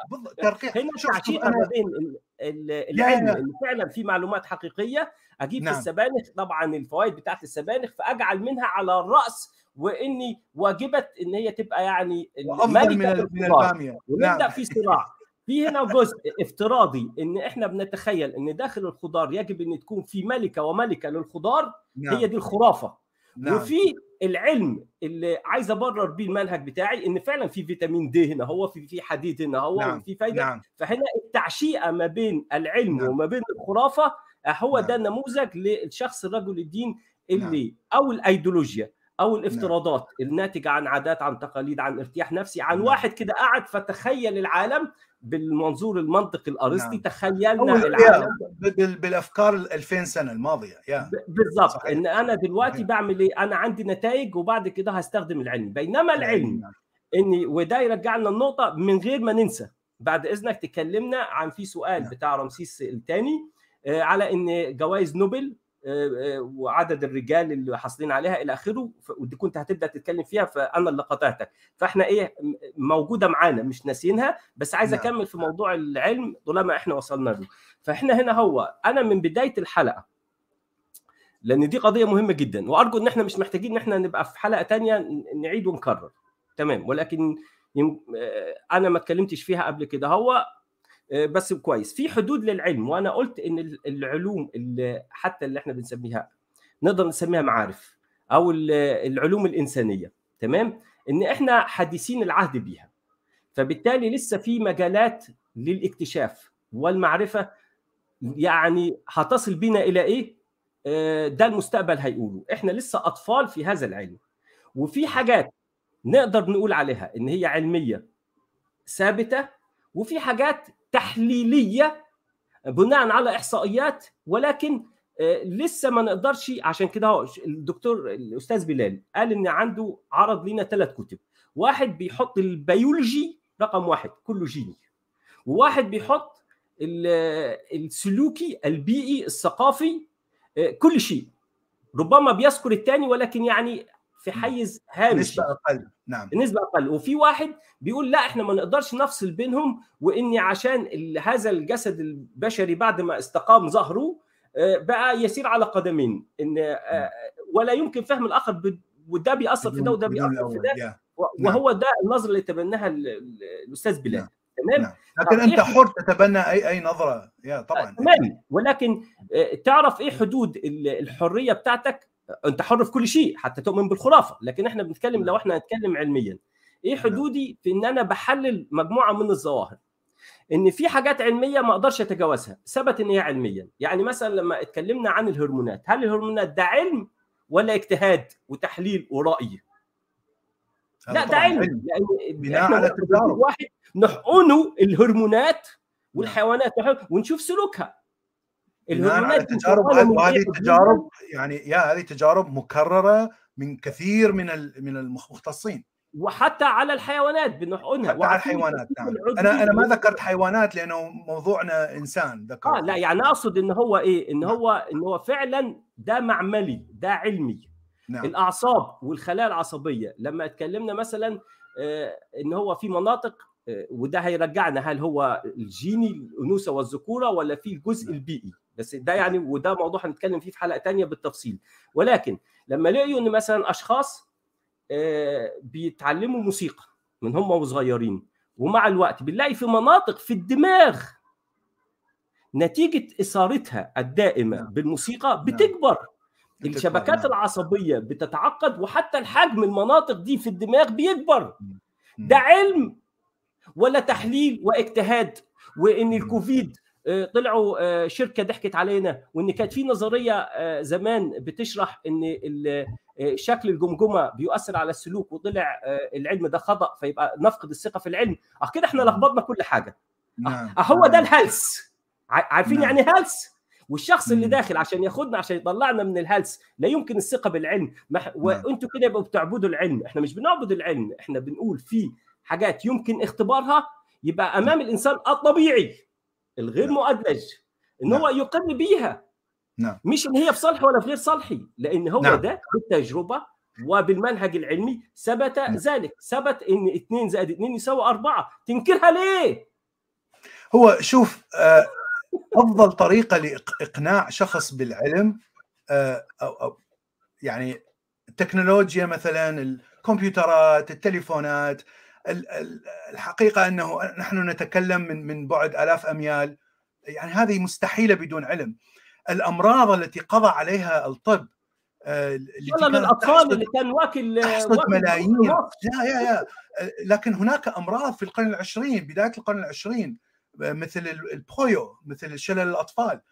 هذا تقريبا قضى عليه العلم بوجود الملاريا كل أشكال الطواعين اللي كانت بتيجي الليمفاوية الطواعين والكذا. أي اكتشاف الانتيبايوتيك وتطوير المضادات الحيوية. هذه تمت بالطريقة العلمية التجريبية. يعني لم لم تحدث بمزاج وفتوى وكلام وفلسفة ومنطق. هذا شيء تجريبي. يجب أن أعمل تجربة وأصل إلى نتيجة وشخص آخر يصل نفس النتيجة ومن ثم نأخذ مثلا عدد كبير من هذه النتائج ونرى أي نسبة منها تعطي هذه النتيجة الصحيحة أو أي نسبة منها تعطي نتيجة خاطئة. هذه هي الطريقة العلمية. ولهذا قضينا على هذه الأمراض. ولهذا استطعنا أن نصنع كمبيوترات. ولهذا نظريات كنا نظنها علمية في الماضي. واكتشفنا أنها مقدسة. نعم. نعم. ولهذا اكتشفنا أن العلم القديم قبل 2000 سنة الموجود في الديانه الابراهيميه موجود في كونفوشيوس في الهندوسية 90% منه خطأ. خطأ خطأ يعني خطأ واضح. إذا كانوا يتكلمون عن العلم ولماذا تحدث الأشياء 90% خطأ لأنهم لم يبنوا على أسس علمية تجريبية. بنوها على أساس مجرد ملاحظة أشياء واظن أن هذا معنى كذا أظن أن هذا معناه كذا. هي فقط أفكار حتى وإن كانت أفكار منطقية. أرسطو التفكير المنطقي اللي عنده 90% منه خطأ خاصة التفكير الطبيعي. لأنه هو هو اللي يعني أنشأ العلم الطبيعي. أنشأ الفلسفة أنه تفكر بشكل طبيعي بشكل الطبيعة التي حولك. لكن ثلاث أرباع أفكاره كانت خطأ. لأنه لم لم يعني لم تكن هناك علمية تجريبية. فقط أذكر نقطة واحدة يعني أنا مرة رأيت مقالة أعتقد أحد المتدينين أرسلها لي. مقالة من باحثين من السعودية لكن نشرت في مجلة عالمية يعني مجلة جيدة وفيها رقابة. المقالة تعطي فوائد لبول البعير. فهناك يعني اكتشفوا مواد معينة في البول البعير وهذه المواد هي مفيدة لأشياء معينة في جسم الإنسان. أنا قرأت هذه المقالة والمقالة صحيحة علميا ليس فيها خطأ. فعلا بول البعير فيه هذه المواد لكن ليس فقط بول. بعدين بحثت عن هذه المواد شوف موجودة بغير بول يا موجودة في كثير من الثدييات ليس فقط البعير. لكنها موجودة بتركيز معين في البعير ممكن أن يعني يكون واضح. المشكلة أن هذه المقالة تعطيك جانب واحد فقط من الصورة لكن عندما عندما أقرأ أن حامض اليوريك أو ال uric acid الموجود في في ال urine في في بول كل ال mammals هذا الحامض هو سم هو سموم. الجسم يتخلص منه لأنه سم ليس لأنه يحب أن يتبول.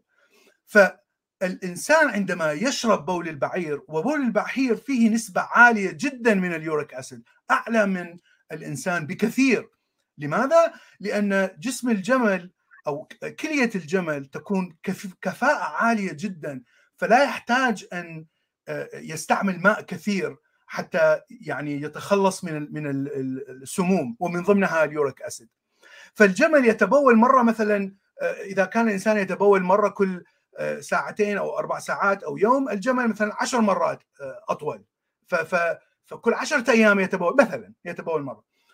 فإذا ال uric acid تركيزه عالي جدا. فعندما تشرب هذا بول البعير ال uric acid يكون نسبته عالية فيبدأ بقتل خلايا الكلية. يبدأ ب يعني خربطة شديدة في الجسم بحيث يؤثر على الكبد يؤثر على لأنه سموم. أنت تشرب سموم داخل الجسم. فإذا فقط رأيت هذه المقالة عن فائدة هذه المواد في بول البعير ستقتنع بأن آه الدين صح الإسلام صحيح بول البعير مفيد. لكن اقرأ كل المقالات العلمية عن مشاكل تناول اليوريك أسيد. فأنت تأخذ صورة واقعية عن لأنه كله علم. هذه المقالة ليست دجل مقالة علمية صحيحة.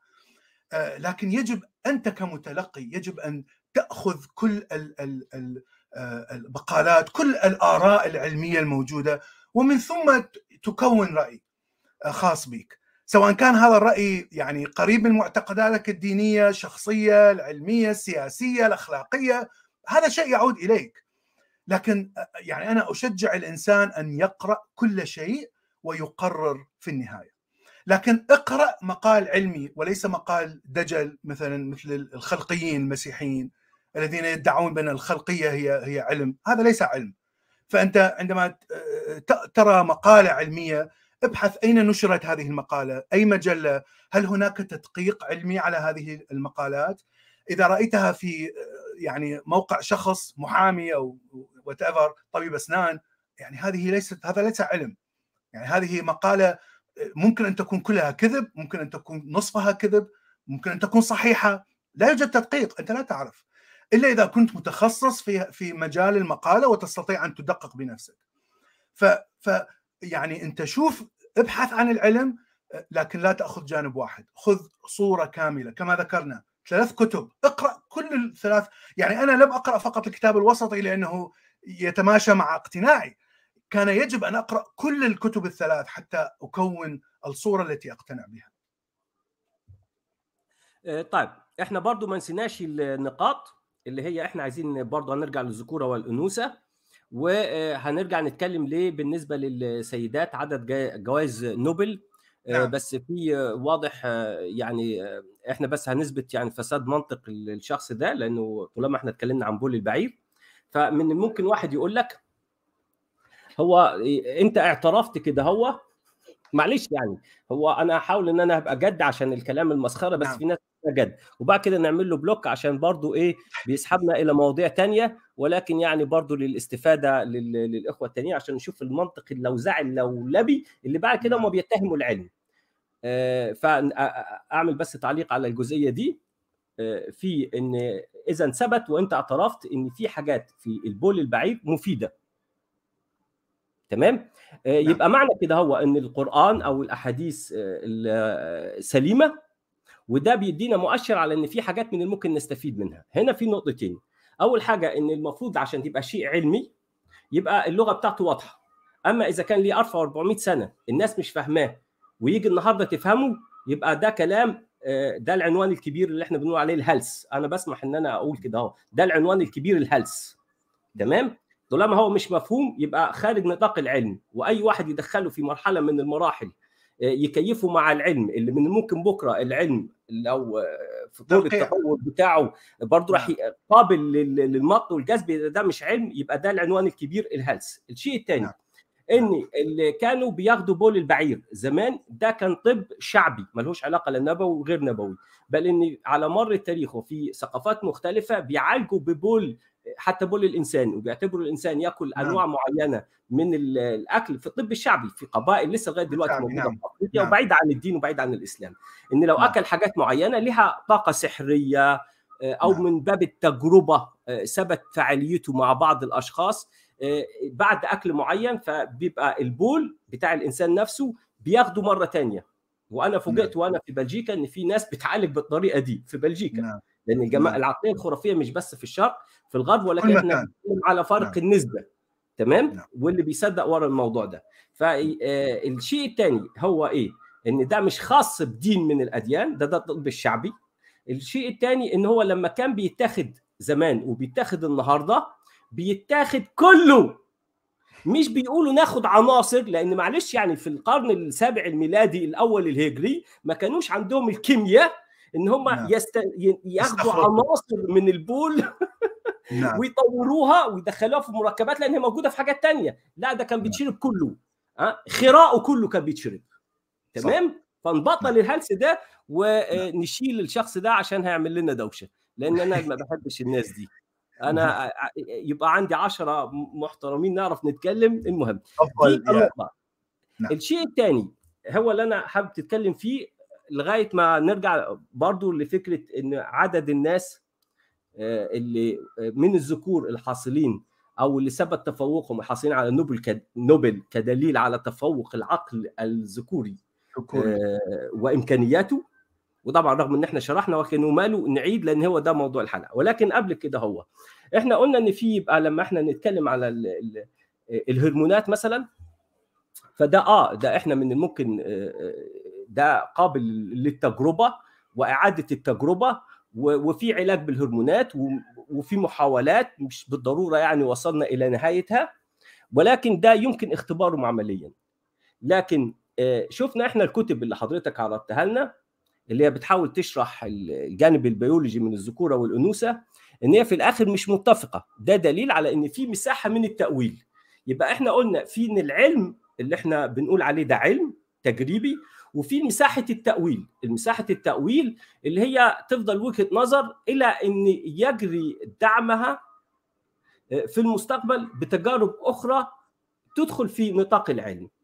أو يفضل دايما في مساحة من وجهات النظر. طبعا وجهات النظر دي مش ملزمة ويجب إن إحنا ما نخلطش ما بين الرؤية الفلسفة وجهة النظر وبين ما هو علمي. فالبناء على ما هو علمي. فبرضه دي محتاجة إن إحنا نفصل بين الاثنين لأن في ناس بتاخد لنا بعض وجهات النظر وتدخلها في العلم ويقول لك ما هو في مثلا زي كتاب تاني اللي بتقول لي فيبقى إيه العلم مش واصل لحاجة خد العلم كله ارميه في في الزبالة. فإيه رأيك في النقطة دي؟ إيه هي المساحة اللي هي فعلا مساحة تأويلية مساحة رأي في مقابل مساحة اللي فعلا اللي إحنا نقول ده علمي ثبت علميا؟ نعم. العلم ليس مطلق. هذه الفكرة صعب تقبلها إذا أتيت من من تفكير ديني لأن التفكير الديني كله مطلق.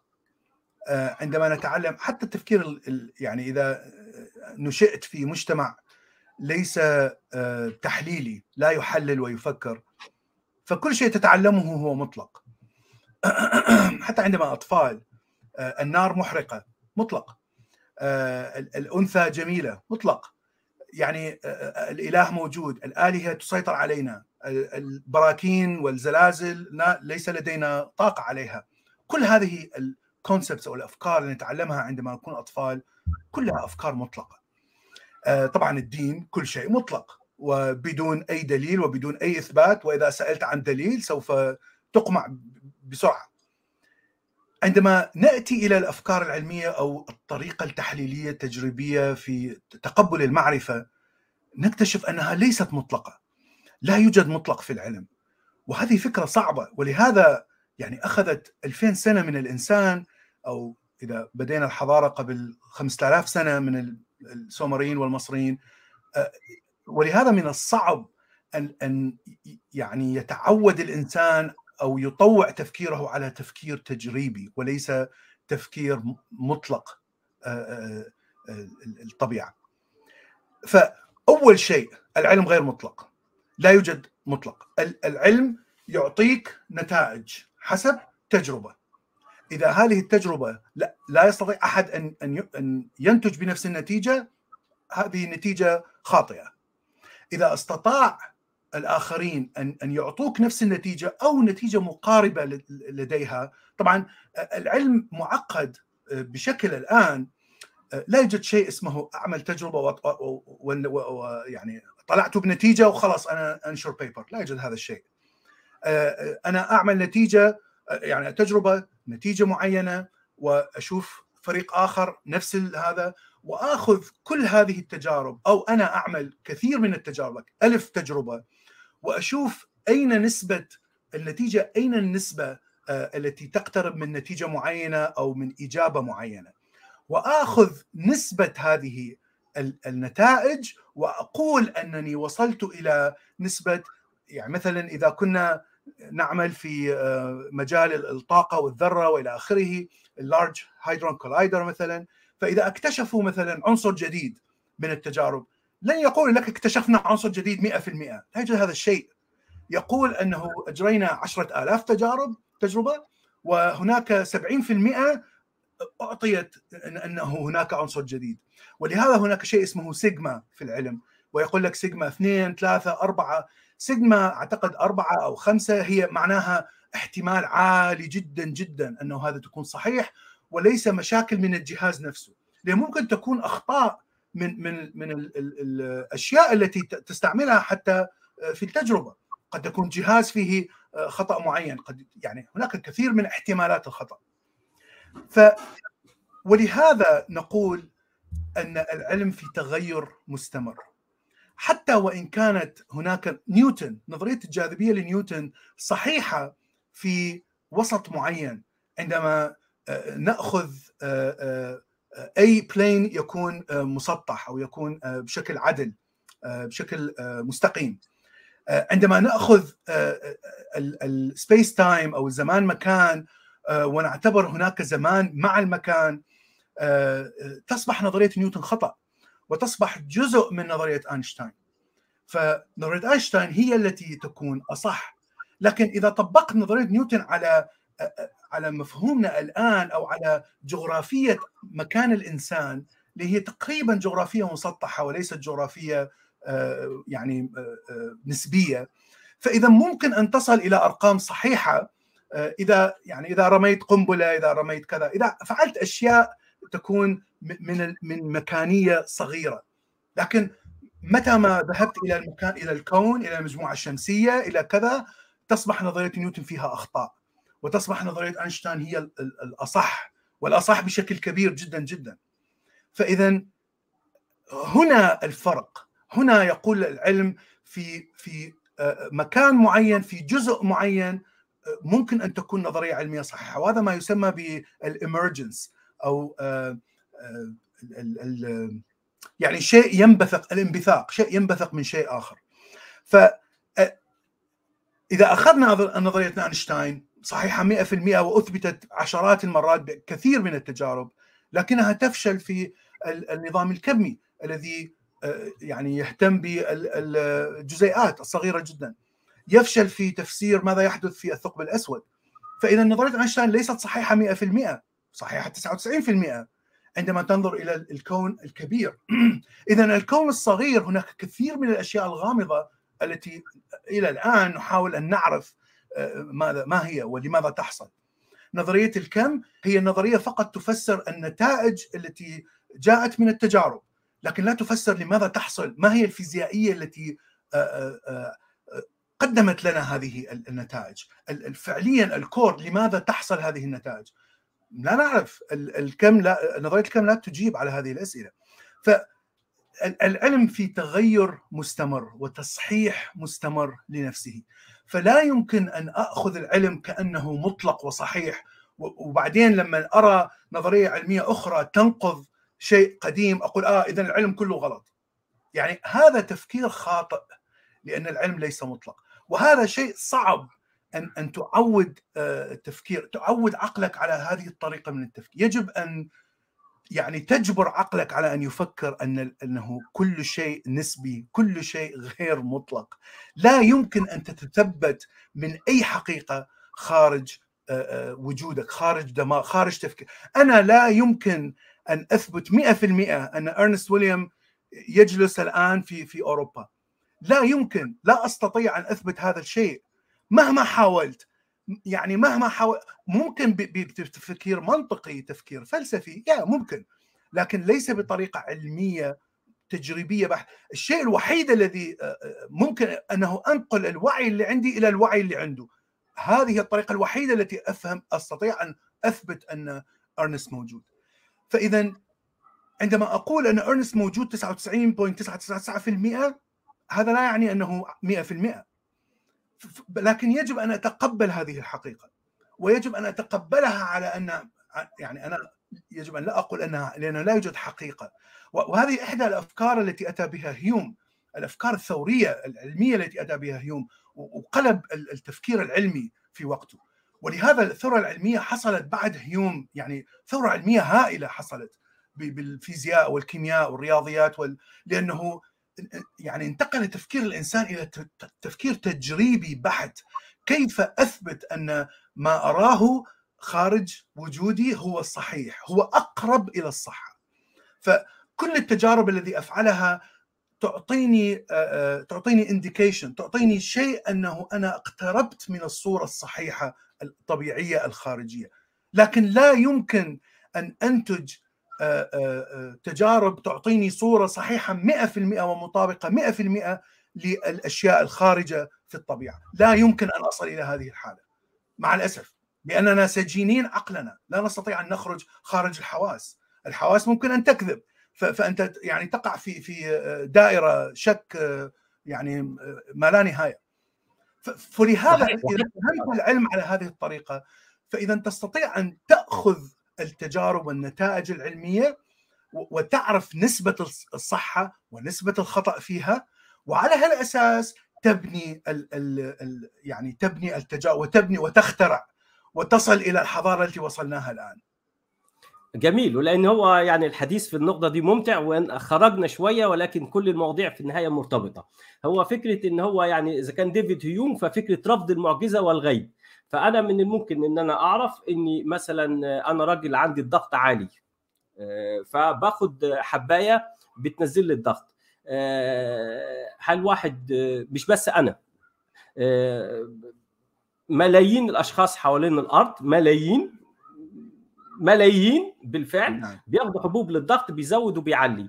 فهل ده علم ناخد بيه ولا العلم متغير ومن الممكن ينقض نفسه فيبقى ما ناخدش برشام الضغط؟ ها؟ ها يلا يا ناصح انت قول لي نعمل إيه؟ طيب هل معنى كده هو إن برشام الضغط ده صالح مع كل الناس؟ هل ملهوش أضرار جانبية؟ هل مفيش بعد كده برشام هيعالج الموضوع من جذوره بشكل أفضل؟ كل ده وارد. كل ده وارد وصحيح. لكن هل معنى كده إن أنا بطل آخد برشام الضغط؟ لأن معرفتنا اليوم من الممكن إنها تتغير برضه بالعلم؟ فده سؤال كبير مهم جدا. هنا فكرة النسبية. ديفيد هيوم لما أنت اتكلمت عنه هو رفض المعجزة بل حتى وصلت بيه إن بيقول حتى لو إحنا عندنا شهادات عن حوادث خارقة في الماضي ناس شاف واحد بيمشي على المية. وهل مصلحتهم إن هم يكذبوا؟ طب هل هيموتوا من أجل كذبة؟ وكل البناء المنطقي الخزعبلي اللي هو بالعنوان الكبير اللي أنا عجبني النهارده الهلس. فاللي هو إيه؟ إن بيقول ديفيد هيوم إن أنا أيهما أقرب هنا فكرة النسبية للتصديق. إن أنا أقول إن الأشخاص دول توهموا ولا إن أنا أصدق بالمعجزة. لا إن أنا أقول إن الأشخاص دول توهموا. إزاي؟ برضو ما أعرفش. ولكن في نسبية القرب للحقيقة نعم. إن ما فيش حد يقدر يمشي وما شفناش حد بيمشي لكن في ناس منطقية أكثر. واحلامها وامراضها النفسية جماعية تهيأوا تهيأ لهم بعض الأمور المشابهة لأن في راجل بيمشي على المية يبقى أنا نعم. أعمل إيه دلوقتي في كمنهج علمي اللي عمل ثورة إن لا إن أنا هرفض شهادتهم على افتراض إن هم كانوا شهود عيان وإن هم اللي كتبوا وأنه فعلا صحيحة. يا يا يا يا. نعم وليس لا. وليس كذب أو اختراع أو قصة نعم نعم. بالظبط كده أهو طيب يبقى نرجع للنقطة لأن إحنا مش ناسيين النقطة طيب ما هو في واحد بيقول لك يا عم لا رغم إن إحنا قلنا إن 80% ما فيش فروق وإن ال 20% من الصفات الذكورية الزايدة عن الحد دي كارثة تؤدي ممكن مم. لحروب وتهور ويولع في الدنيا وكوارث زي ما في 20% في فترات معينة للمرأة من الممكن ما تؤديش الوظائف بتاعتها بشكل جيد. ولكن إن الداخل الوسط ده حتى لو في خلافات صغيرة جدا فهي خلافات تكميلية إن في هنا هو المرأة من ممكن تبقى أكثر دقة وقدرة على فعل أشياء يعجز عنها الرجل فهنا في تكامل ما نقدرش نتكلم عن أفضلية نتكلم عن فروق. ولكن ومع ذلك يمكن واحد يطلع يقول لك يا عمي ها وده يعني هيرجعنا لقول سيمون دي بوفوار اللي إحنا قلناه قبل الحلقة. يقول لك هسيبك. إنك أنت أو تطوره أكتر. فكرة مم. الأنثى والمرأة وال- والمجتمع وإزاي بيصنع هي فكرة يا عم طب ماشي طب ما أنت شوف الجوائز العلمية ها آه مم. يلا رد عليا في 96% حاصلين على نوبل من الرجال ها ده مش ده إحصاء مش ده نعم. علم ها يشرح نعم. لي فالاجابه يعني تكون حتكون خليط ما بين البيولوجي وما بين علم الاجتماع وعلم النفس فيعني بشكل مختصر إحنا أثبتنا أنه ال- الأنثى لم تكن يعني مسموح لها أن تدخل جامعات وهذه حقيقة تاريخية موجودة لم لم يكن مسموح لها أن تعمل لم يكن مسموح لها أن تنتخب لم يكن. يعني كل الحقوق التي يمتلكها الإنسان الآن في أوروبا وأمريكا كانت فقط معطاة للرجل الأبيض في أوروبا وأمريكا في القرن يعني ما قبل القرن العشرين. فمن الطبيعي أنك إذا إذا لم تعلم شخص ولم آه، يعني تحضره لكي ينبغ في مجال معين سواء كان علمي أو اجتماعي أو رياضي أو كذا كيف تتوقع أن ينبغ هذا الشخص بعد فترة؟ آه، التغير بدأ كما ذكرنا في القرن العشرين. لكنه بدأ ولم ولم يت لم يحصل أسود أبيض حتى في أوروبا وأمريكا. إلى الآن إلى الآن آه، دول قليلة جدا في العالم التي فعلا تساوي ما بين المرأة والرجل في العمل في الجامعات في آه، يعني في كل مجالات العلم مثلا النرويج السويد دنمارك الدول الاسكندنافيه مثلا. ألمانيا بشكل يعني بشكل أو بآخر. أما باقي دول العالم لا الرجل يسيطر على المجتمع حتى أمريكا. أمريكا من من الدول السيئة في طبعا من الدول المتحضرة من الدول في آخر الدول المتحضرة آه، التي تعطي مجال للمرأة في كل شيء ليس فقط في الجامعات والعلم وحتى آه، تكون باحثة حتى تكون آه، يعني سياسية حتى تكون فقط في العشرين سنة الماضية بدأ التغير في المجتمع الأمريكي. حركة الفيمينست حركة الأنثى والنسوية يعني هذه بدأت في الستينات ستينات. لم تبدأ في بداية القرن العشرين في في أمريكا. أنا أتكلم عن أمريكا الآن. النسوية يعني أثرت بشكل كبير لكن بدأت في الستينات والسبعينات وكانت تحارب بشكل شديد بالسبعينات.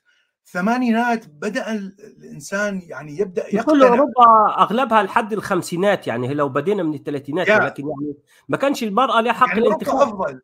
يا أوروبا شوية ما كانش لها حتى حق الانتخاب. يا الانتخاب يعني ب... يعني دخل في عشرينات القرن العشرين تقريبا في كل دول المتحضر تقريبا. آه لكن آه منع المرأة من من دخول الجامعات أو وضع نسبة قليلة جدا يعني 10% نساء 90% رجال آه فقط. فهذا كان موجود إلى يعني إلى فترة قريبة.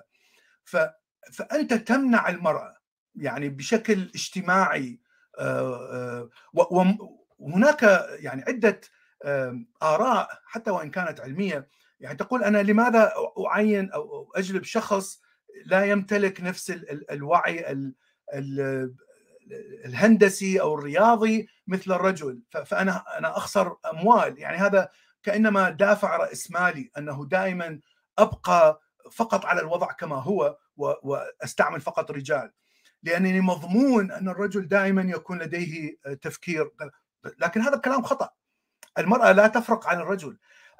ال IQ مثلا أو شو اسمه فحص الذكاء ولا هو ليس فحص ذكاء بشكل يعني قاطع هو يعني شيء من من الذكاء أو افريج من الذكاء. لا يوجد فرق بين الرجال والنساء كنتيجة لا يوجد فرق. الفرق هو مثلا إما النساء يصلون ب يعني بطريقة أسرع للأسئلة التي تكون فيها مشاعر الرجال أسرع إذا هندسية من الكلام فقد يصل واحد أسرع من الآخر لكن كنتيجة نهائية لا يوجد فرق كبير بين الاثنين. فعندما تزيل كل هذه العقبات في النهاية ممكن أن تستطيع أن آه، ترى إذا كانت فعلا المرأة آه، مثل وصول المرأة إلى إلى جوائز نوبل أو إلى الرئاسة أو إلى آخره قد يكون آه، مثله مثل الرجل. نحن نرى الآن شيء من هذا، يعني آخر 20 30 سنة يعني نرى المرأة أصبحت رئيسة وزراء، رئيسة، مستشارة في ألمانيا في نيوزيلندا يعني في كثير من الدول الأوروبية آه، ونرى أنها أنجزت كثير من الأشياء الممتازة يعني إنجازات عظيمة من من هؤلاء النسوة. آه، هذا يعطي أن النساء يعني ممكن أن ينجزوا أشياء عظيمة آه، إذا هم مثلهم مثل الرجال يعني وهناك قلة من النسوة يستطيعون يصلون إلى هذه المرحلة مثل ما هناك قلة من الرجال يستطيعون أن يصلون إلى نفس المرحلة. فإذا هي ليست نسبة آه، هناك نسبة كبيرة من الرجال أو مجموعة أكبر من الرجال الذين يصلون هو فقط لأن المجتمع يحدد المرأة. والشيء آه، الآخر هو آه، تحديد أنه المرأة يجب أن ترعى الأطفال. وأعتقد أن هذا هذا شيء يعني ممكن أن نناقشه في الحلقة القادمة عن التطور الاجتماعي أو التطور يعني من علم الاجتماع وعلم النفس. لأن هذا شيء مهم. طبعا المرأة تكون متقيدة أكثر بالطفل لأنها يعني غريزيا تفكر بالطفل آه، عندما تحاول عندما تريد أن آه، يعني آه، تكون نشطة جنسيا وتحاول أن تمارس عملية الجنس. هي هي لا تفكر بالرجل ولا تفكر بطول القضيب والأشياء التي يتخيلها الرجل. هي فقط تفكر بالطفل تفكر بالطفل الذي سياتي إلى الحياة وكيف أوفر لهذا الطفل المادة العناية العاطفة. وكيف أجعل هذا الإنسان هذا الرجل أنه يساعدني في هذا الشيء؟ هذا هو تفكير هذا هو تفكير غريزي. أنا أتكلم شيء غريزي بيولوجي فمن الطبيعي أن تهتم المرأة بالطفل أكثر من الرجل. وهذا قد يأخذ المرأة بعيدا قد يأخذ ليس كل النساء بعيدا عن حياة عملية مثلا. في فترة معينة من حياتها لكن هذا ليس كل وهذا شيء يعني يجب أن يناقش بشكل أكثر وأعمق في في التأثير الاجتماعي وتأثير علم النفس على المرأة. لكن بشكل عام بشكل عام أنت ترى نساء مثل ماري كوري مثل آخر نسيت اسمها العام الفات حصلت على نوبل بالأسترونومي أو الفيزيكس هي عالمة أبوها تونسي نسيت اسمها عفوا. لكن لديها أطفال وماري كوري لديها أطفال. هؤلاء النساء يعني لم يكونوا يعني عازبات. كانوا متزوجات وكانوا عندهم أطفال وكانوا يرعون أطفالهم وفي نفس الوقت يعني كان عندهم حياة مهنية ناجحة بشكل عظيم جدا أفضل من 99% من الرجال الموجودين في التاريخ كله. بحيث حصلوا على جوائز نوبل. اذا يعني هناك كثير من التفاصيل وليس ليس أبيض أسود ليس فقط لأنها تنجب أطفال فإذا لا تستطيع أن أن, أن تصنع حياة مهنية. هذا كلام طفولي وسطحي جدا. طب تمام. ده أنت كده يعني عملت لنا مقدمة للحلقة اللي جاية ممتازة لأن إحنا هنتناول الجانب الثقافي الاجتماعي تطور المجتمعات. وتأثيرها مع البيولوجي طبعا أكيد لأن حتى إحنا بنتكلم هنا على البيولوجي لقينا نفسنا برضو دخلنا في مناطق لها علاقة بالثقافة التربية التنشئة الحالة الاجتماعية اللي بيمر بها مجتمع ما في العلاقة بين الذكر والأنثى ومقدرة المرأة والرجل. هنا في بعض الملاحظات بس سريعة اولا يعني من ناحية إن من يعني ملحوظة كده هو إن يبدو الطبيعه وبحكم ارتباط المرأة بالطفل وده أكيد بيؤثر حتى في تطورها. زي ما الرجل بيتطور إحنا قلنا يعني من البداية إن الرجال النياندرتال ال Homo sapiens أو ما قبل ذلك وعلاقتهم بالمرأة اختلفت حتى كانت في مجتمعات اموميه ومن الممكن في الحلقة الجاية نتكلم عن حتى الأساطير بتعكس عن وقائع اجتماعية يعني بتعكس واقع اجتماعي كان في عصور سابقة كانت فيها المرأة المهيمنة والمرأة هي الأكثر عنفا من الرجل والمرأة هي المحاربة والمرأة قاتلة الرجل المرأة اللي هي في بعض القبائل زي الأمازون يعني الأسطورة خلدت هذه الفكرة ولكن حتى الاسبرتيين كانوا زي مجتمع النحل في المرأة اللي بتروح تنتقل زي الاسبرتين تنتقل إلى مناطق فيها الرجال من أجل طلب الطفل وبترجع وإن كان الطفل ذكر بتذبحه عشان المجتمع لا يكون إلا أنثوي. ففي حالات كده هو المجتمع النمل مجتمع النحل كانت في مجتمعات بشرية بهذا الشكل. ففكرة الذكوره والأنوثة هي مش حاجات ثابتة. ده ده شيء هنتناوله المرة نعم. الجاية. نعم. ولكن نعم. يبدو نعم. هذا شيء مهم. بالضبط. اليوم أنا أعتقد يعني إن المرأة بحكم كونها أم مرتبطة بالأطفال مرتبطة بالعلاقات الاجتماعية وقادرة على تطوير المهارات الأخرى اللي اللي بتميز الرجل إلا إن هي يبدو إن الطبيعة أكثر كرما مع المرأة منها مع الرجل بدليل طول العمر. وطولة العمر تبلغ المنى. هذا هذا لأن الأستروجين يحافظ على على الجسم ويقلل ضغط الدم ويعني ما دي ميزه ما دي ميزه اخ بلال؟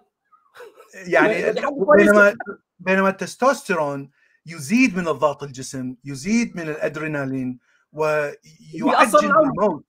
يعجل بالموت لأنه يعجل أيوة بيأثر بالضبط كده. لأنه آه. يدفع الرجل إلى يكون متهور ويحارب ويدافع وإلى آخره. فالأستروجين يحافظ على الجسم أكبر أكثر فترة ممكنة. هناك سؤال سؤالين أحب أن أجاوب عليهم. يقول إذا كل مولود يحمل 50% من جينات الذكر و50 من الأنثى ألا تدل أنه لا يوجد فوارق بيولوجية. لا هذا هذا خطأ لأنه الذكر هو XY chromosome والأنثى إكس إكس. كروموسوم X يحتوي على كثير من الجينات. وكروموسوم Y صغير جدا جدا. يعني جيناته أقل جدا من من كروموسوم X. ولهذا الجينات الموجودة عند الأنثى هي أكثر. من من جينات الذكر كان هناك سؤال آخر. ما قولك الغباء رفيق الجمال ويقصد المرأة الجميلة. الغباء بشكل عام دائما يرافق الشخص الغريزي أكثر وليس العقلاني أكثر. فإذا كانت المرأة لديها تستوستيرون أعلى من الافرج فيكون عندها الرغبة الجنسية أعلى.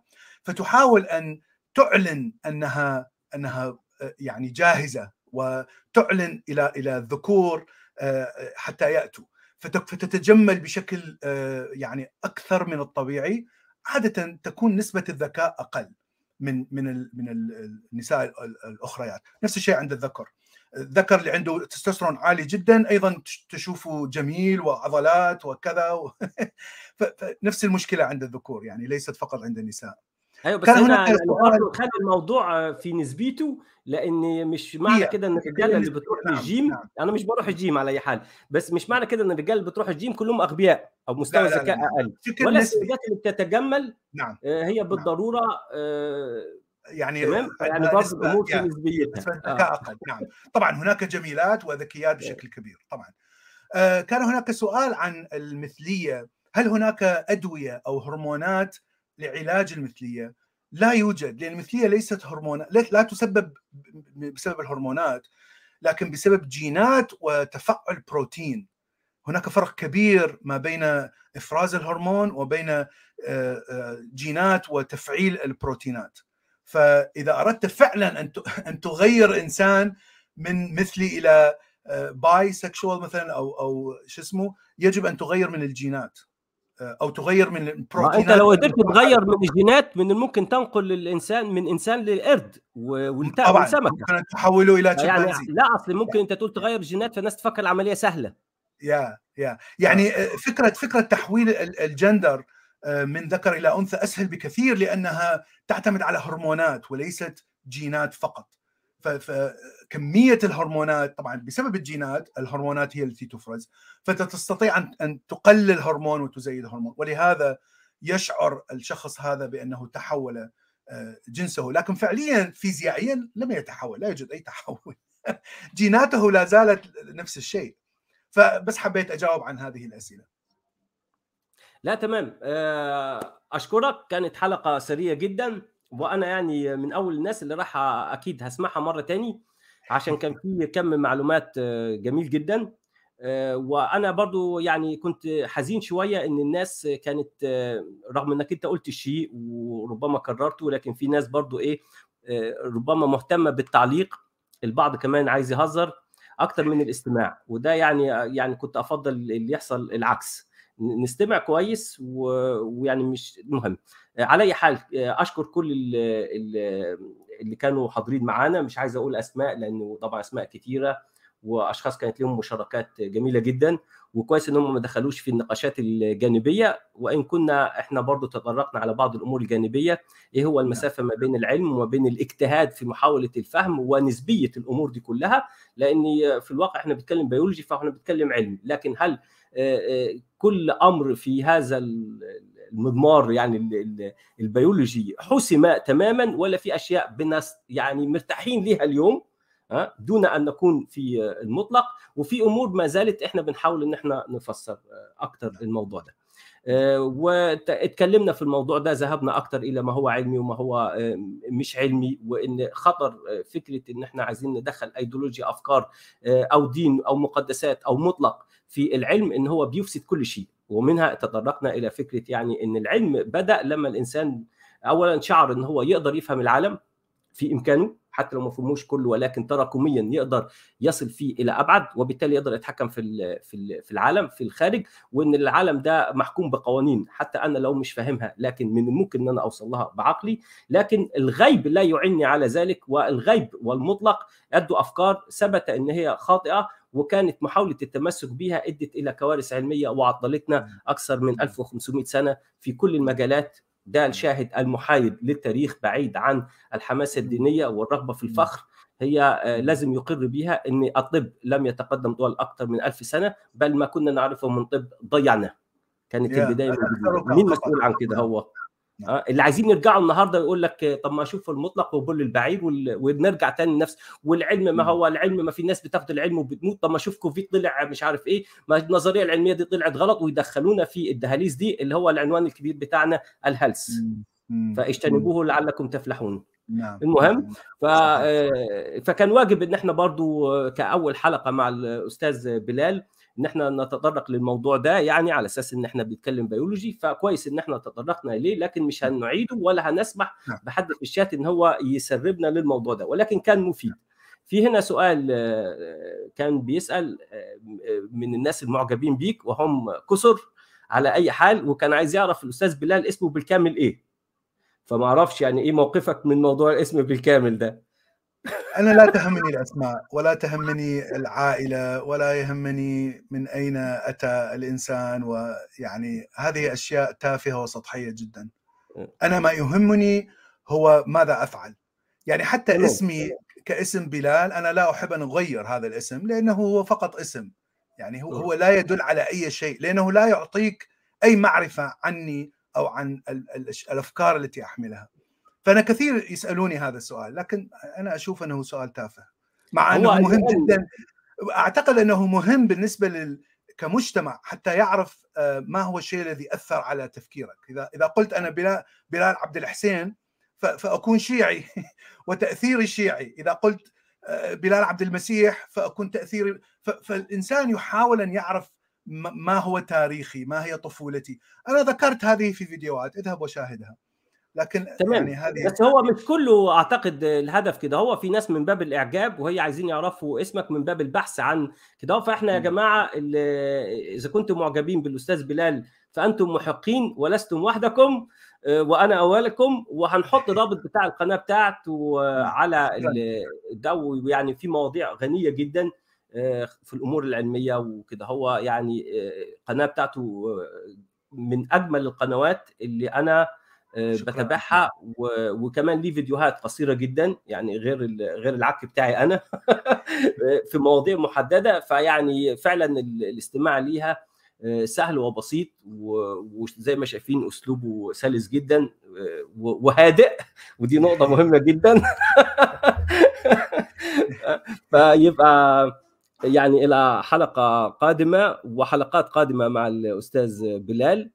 نكمل فيها رحلة بنتناقش فيها بنستفيد بنتعلم. حتى أحيانا زي ما إحنا شفنا الاعتراضات اللي كانت برضو كانت إحنا حولنا السم إلى عسل والفسيخ لشربات إن إحنا تعمقنا فيها بحيث إن إحنا نشرح وربما ده شيء مهم إيه هو العلم إيه هي الخرافة إيه هو المطلق إيه هو النسبي إيه هو اللي فعلا نقدر علم رغم عدم إطلاقيته إلى إن هو نرتاح ليه وبنعمل بيه وهو المفيد للبشرية.